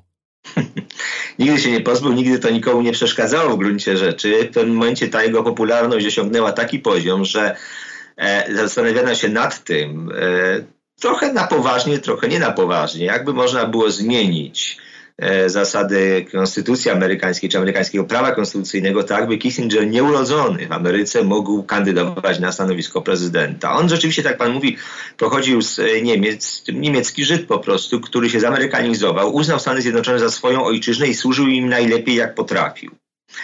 E, zrobił tam karierę akademicką, dużą karierę akademicką. Wcześniej służył w armii. To też jest chyba psychologicznie ważne, bo on uchodził, wyjeżdżał z Niemiec, w których był człowiekiem upokarzanym e, ze względu na to, że Żydzi niemieccy stali się obywatelami drugiej kategorii, a wracał tam jako przedstawiciel zwycięskiej armii, jako ten, który rozdaje karty. W pewnym sensie, jakby się wczytać w jego biografię, to brał odwet w tych relacjach osobistych, kiedy już tam był w e, Niemczech. Później robił karierę akademicką w Stanach Zjednoczonych i był jednym z tych, którzy nie tylko chcieli pisać, ale także mieli ambicje odgrywania roli e, w samej polityce amerykańskiej. Tak jak większość profesury był kojarzony raczej z liberałami amerykańskimi, ale prawda jest taka, że szybko opowiedział się po stronie partii republikańskiej. Najpierw działał przy mm, Rockefellerze, który ubiegał się o prezydenturę, o, przede wszystkim o to, by być kandydatem partii republikańskiej na, na prezydenta. Później przeniósł swoje sympatie w kierunku Nixona, kiedy Nixon okazał się zwycięzcą.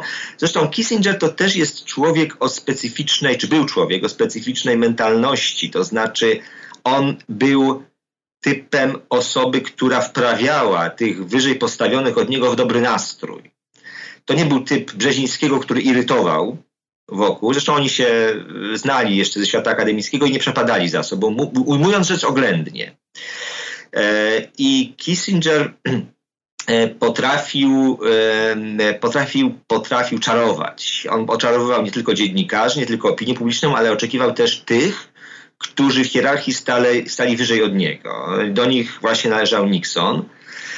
I stał się w istocie rzeczy, kiedy już Nixon wygrał wybory, architektem polityki zagranicznej Stanów Zjednoczonych. On objął urząd stworzony po II wojnie światowej, doradcy do spraw bezpieczeństwa narodowego, później został także sekretarzem stanu, a więc człowiekiem, który to jest urząd odpowiadający w warunkach europejskich ministrowi spraw zagranicznych, to znaczy e, szef MSZ-u, jeśli można tak powiedzieć, amerykańskiego, to jest właśnie sekretarz stanu. Kissinger łączył te dwa urzędy. E, to były prezydentury Nixona i Forda. Ja bym powiedział nawet, że w okresie prezydentury Forda to był człowiek, który był głównym decydującym o sprawach polityki zagranicznej. Umiał przekonywać prze, przełożonych czy zwierzchników szefów, a więc prezydentów do swoich koncepcji. Jeszcze nawiązując, jeśli pan pozwoli, do jego pochodzenia.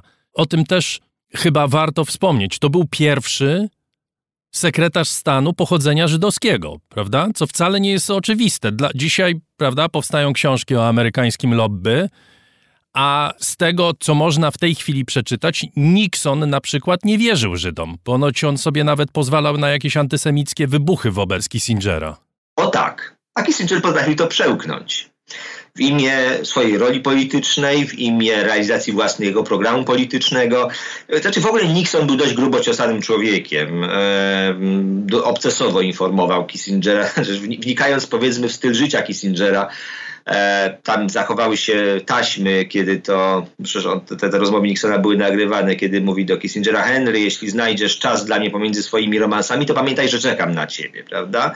Dodajmy może, że, że ten, ten, ta, to joie de vivre Kissingera, ta radość życia, a, styl życia, no, można by rzec nawet playboya, on się rozwinął w okresie, kiedy on już był gwiazdą amerykańskiej polityki. Znaczy, jako profesor nie uchodził za człowieka czarującego i dowcipnego. Kiedy później już był politykiem, e, on był dowcipny, czarujący, kochano go. Opinia go publicznego kochała, a on kochał blichtr. Ktoś opowiada taką historię, kiedy Kissinger leciał samolotem prezydenckim i z uśmiechem spoglądając na swojego rozmówcę mówił, popatrz, który uniwersytet dałby mi takie życie?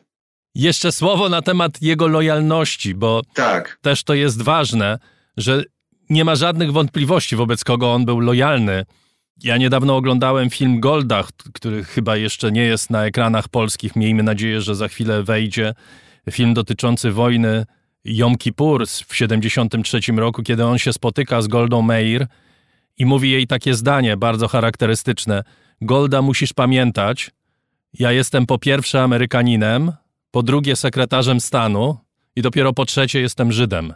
Zresztą Izrael się bardzo szybko przekonał, że y, interesy Stanów Zjednoczonych i Izraela, a zwłaszcza Żydów, rozrzuconym po całym świecie, tutaj głównie chodziło o Żydów radzieckich, czy w Związku Radzieckim mieszkającym, wcale nie muszą być takie same. Amerykanie wcale nie muszą mieć podobnego spojrzenia na świat co Izrael. I Kissinger być może, kiedy teraz patrzymy na to, jak Amerykanie zachowują się wobec Izraela w trakcie tej wojny, może też warto sobie przypomnieć o tym, jaką politykę wobec Izraela prowadził Kissinger, prawda?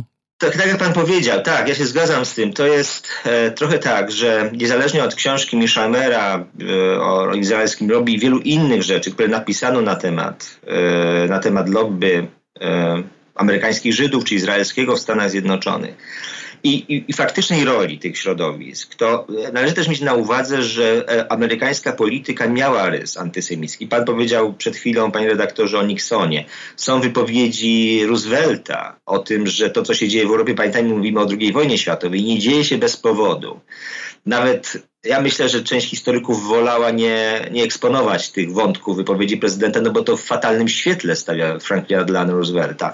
Więc to jest tak, że kwestia miejsca amerykańskich Żydów w polityce amerykańskiej jest sprawą złożoną. Nie jest rzeczą tak oczywistą, jak się niektórym wydaje, że ten wpływ jest absolutny i przemożny. Jeżeli zaś chodzi o samego Kissingera, myślę, że to jest kwestia uwierzytelnienia się w oczach e, no po prostu Ameryki. To pamiętajmy, że to jest człowiek, którego Ameryka przygarnęła i on, myślę, e, płacił Republice za swoją, za, za, za, za, za ten dom, za karierę, za sławę, za to wszystko swoją lojalnością.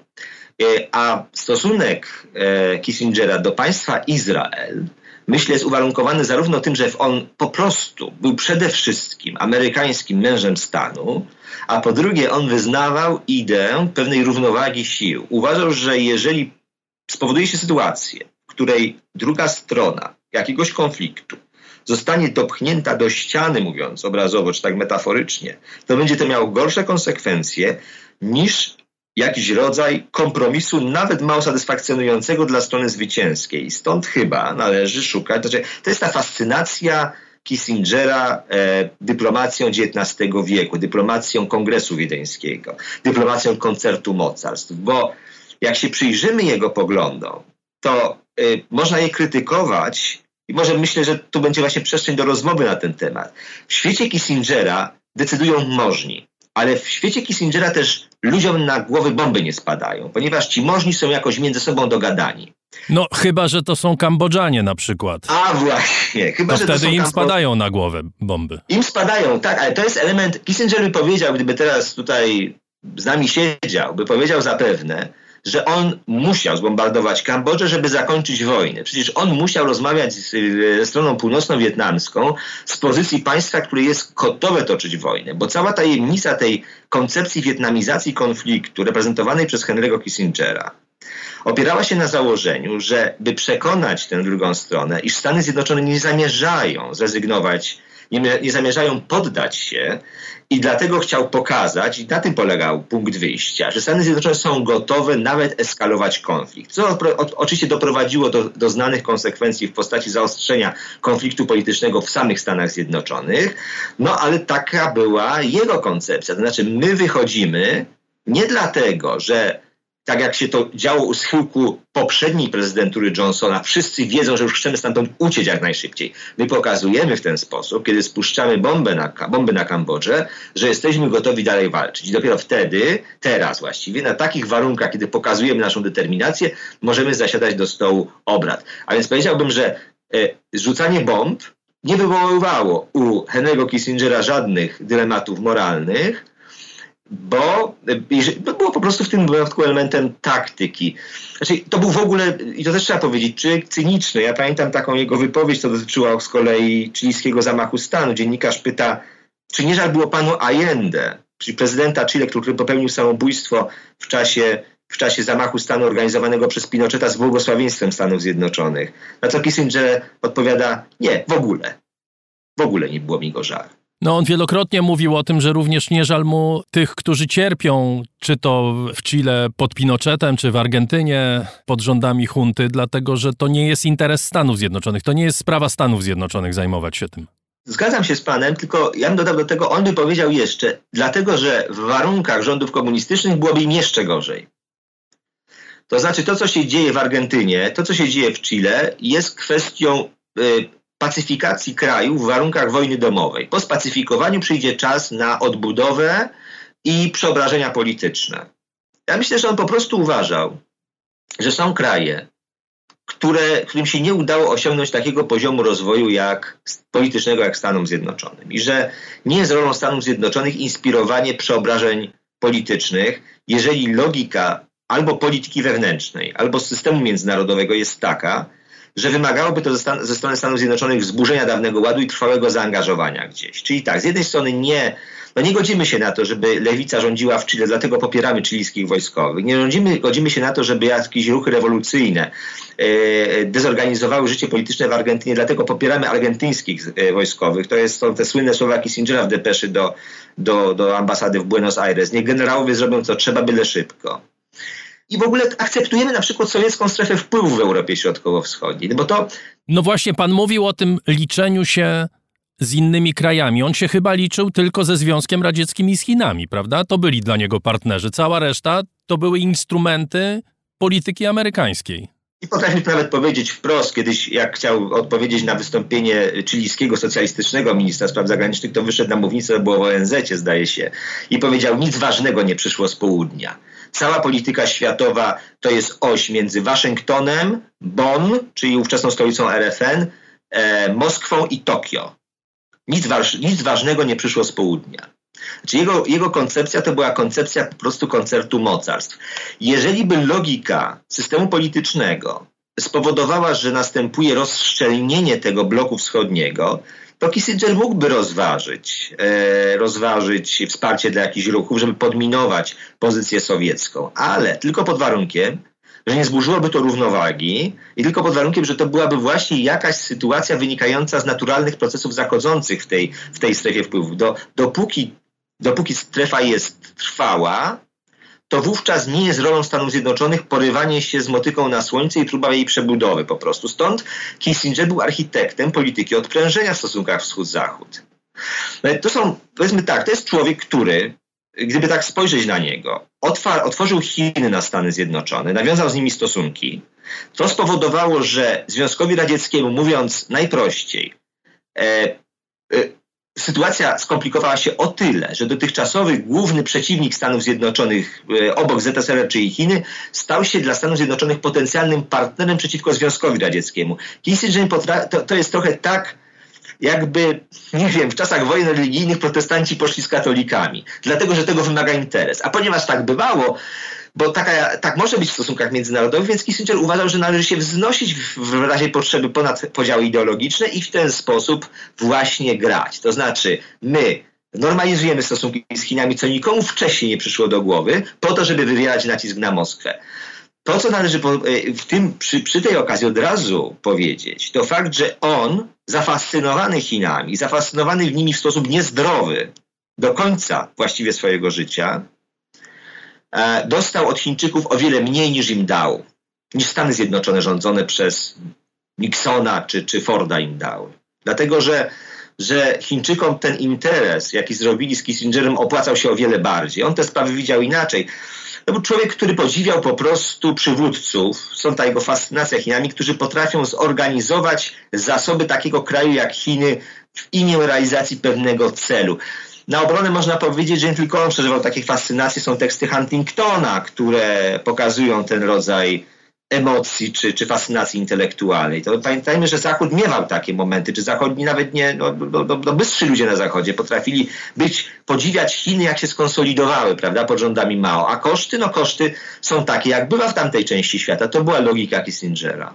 No nie ma się co dziwić, że w tej chwili po jego śmierci Chiny go traktują jako mędrca, jako przyjaciela Chin. To był jedyny Amerykanin, który się spotykał osobiście ze wszystkimi chińskimi liderami od czasu Mao Tse-tunga do Xi Jinpinga. Niedawno, gdy już przekroczył setkę, ostatnio został z fanfarami przyjęty przecież w Pekinie. Z większą pompą niż niektórzy prezydenci. Bo on dla e, miejsca Chin w polityce światowej zrobił bardzo wiele. On w ogóle e, podziwiał tych, którzy potrafili w trudnych regionach zapewniać zapewniać e, stabilizację. Był lojalny wobec takich ludzi jak właśnie przywódcy chińscy, czy reprezentujący zupełnie inną ideologię, ostatni szach Iranu, którego bronił także po jego upadku. To on, on pozostawał lojalny wobec tych, tych starych przyjaciół. Pod tym względem tak. A czy jego spojrzenie na świat ewoluowało? To znaczy, jaki był jego stosunek do upadku komunizmu? Ja myślę, że on uważał komunizm za emanację pewnego, po prostu inną dekorację imperialnej polityki Rosji ponieważ on uważał, że jest coś takiego jak naturalne strefy wpływów, to z rezerwą patrzył na poszerzanie Zachodu o Europę Środkowo-Wschodnią. E, dlatego, że, e, dlatego, że on zawsze widział mocarstwa jako graczy, którzy nawet w, po, po, okresie kryzysu będą próbowali wrócić do poprzedniej pozycji, a to może generować e, źródła napięć. Stąd po prostu uważał, że są takie obszary, które w jakiś naturalny sposób bywają albo obszarami między tymi blokami, tak jak Europa Środkowo-Wschodnia, albo wręcz przynależą do, do obszaru imperialnego, tak jak na przykład Ukraina w stosunku do Rosji.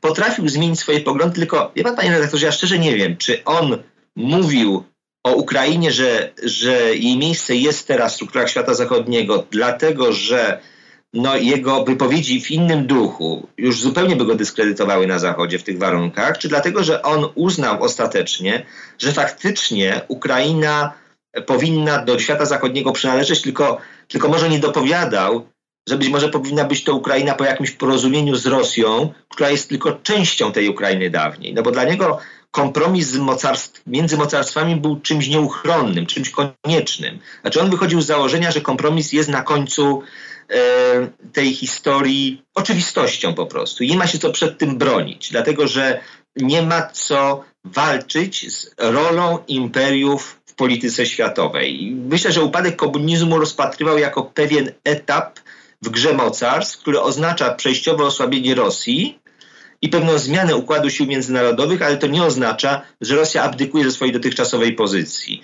Nie sądzę, żeby on kiedykolwiek uwierzył w jakikolwiek koniec historii. Nie, nie, nie, nie, nie Kissinger. To jest bardzo ciekawy dylemat, dlaczego on zmieniał stanowisko wobec Rosji i Ukrainy pod koniec życia. Ciekawe jest to, co pan mówi. Ja nie jestem pewny.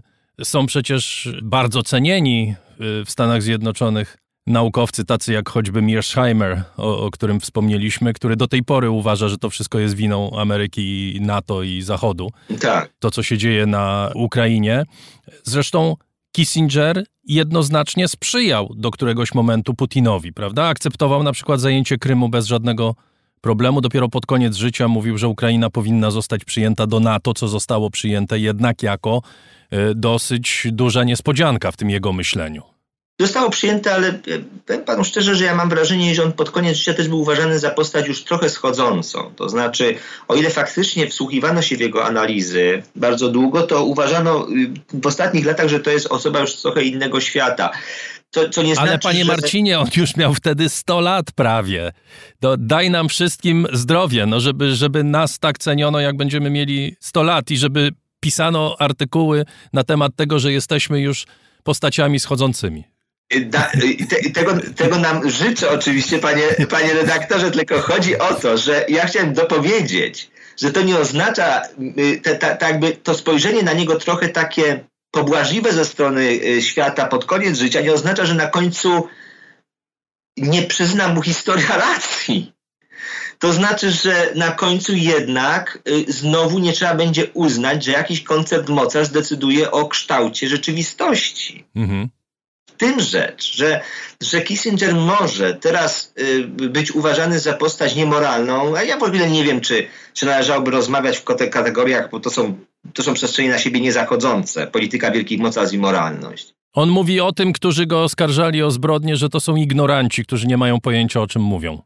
Nie, ja chcę powiedzieć, że on po prostu uważał, że y, polityk, przywódca mocarstwa nie może, nie może kierować się emocjami, ponieważ wyrządzi to więcej szkody niż pożytku. Że jeżeli ktoś y, kieruje się emocjami i kodeksem moralnym, to może spowodować większe zamieszanie na świecie. Ja myślę, że on powiedziałby w ten sposób.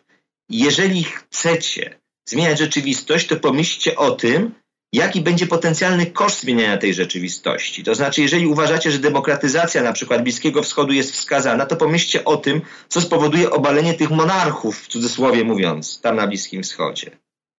To znaczy, jeżeli godzimy się na to, jeżeli uważamy, że, że to przecież jeżeli by spojrzeć na, na, na George'a W. Busha i jego koncepcję demokratyzacji Bliskiego Wschodu, no to cel był szlachetny, a, ale z drugiej strony koszt jest taki, że Stany Zjednoczone tam wkroczyły, po czym sytuacja, no nie można powiedzieć, żeby stała się szczególnie stabilna w porównaniu z przeszłością i się stamtąd wycofały. Bardzo oględnie pan to ujął.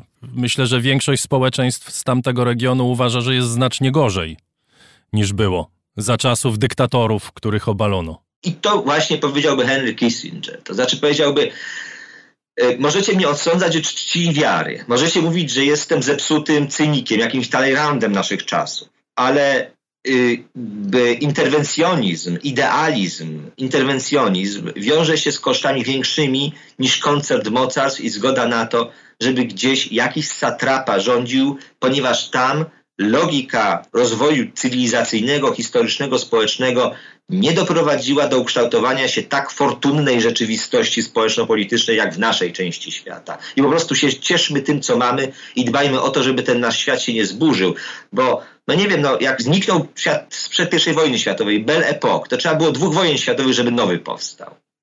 I myślę, że to jest myśl Kissingera. To znaczy, że, że ten człowiek będący cynikiem, często koniunkturalistą, człowiekiem nieprawdopodobnie próżnym, jednocześnie myślał w takich właśnie kategoriach, że no, świat jest jaki jest i trzeba go w tej jego, no to taka pesymistyczna wizja, w tej jego, w tej jego niedoskonałości zaakceptować i nie walczyć z trendami, nie iść pod wiatr. O, w ten sposób bym to ujął.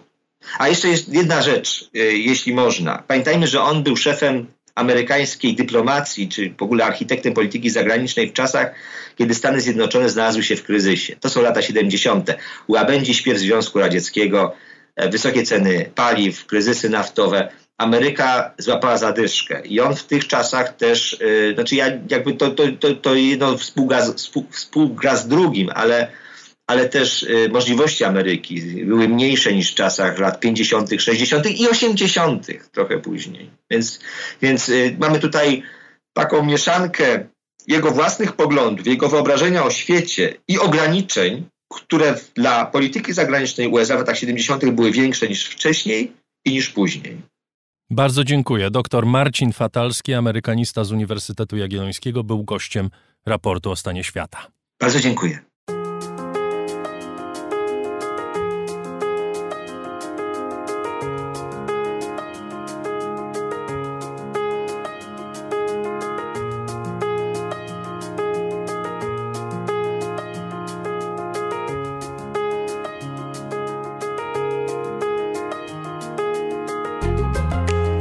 To już prawie wszystko w tym wydaniu raportu o stanie świata. Zapraszam do słuchania wszystkich naszych programów.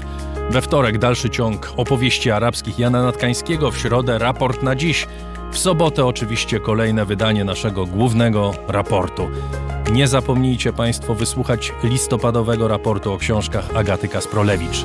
Wszystkie odcinki naszego programu powstają dzięki Państwu. Serdecznie dziękuję za wsparcie finansowe i życzliwe słowa, które do nas regularnie docierają. Adrian Bąk, Chris Wawrzak, Dariusz Rosiak, dziękujemy i do usłyszenia.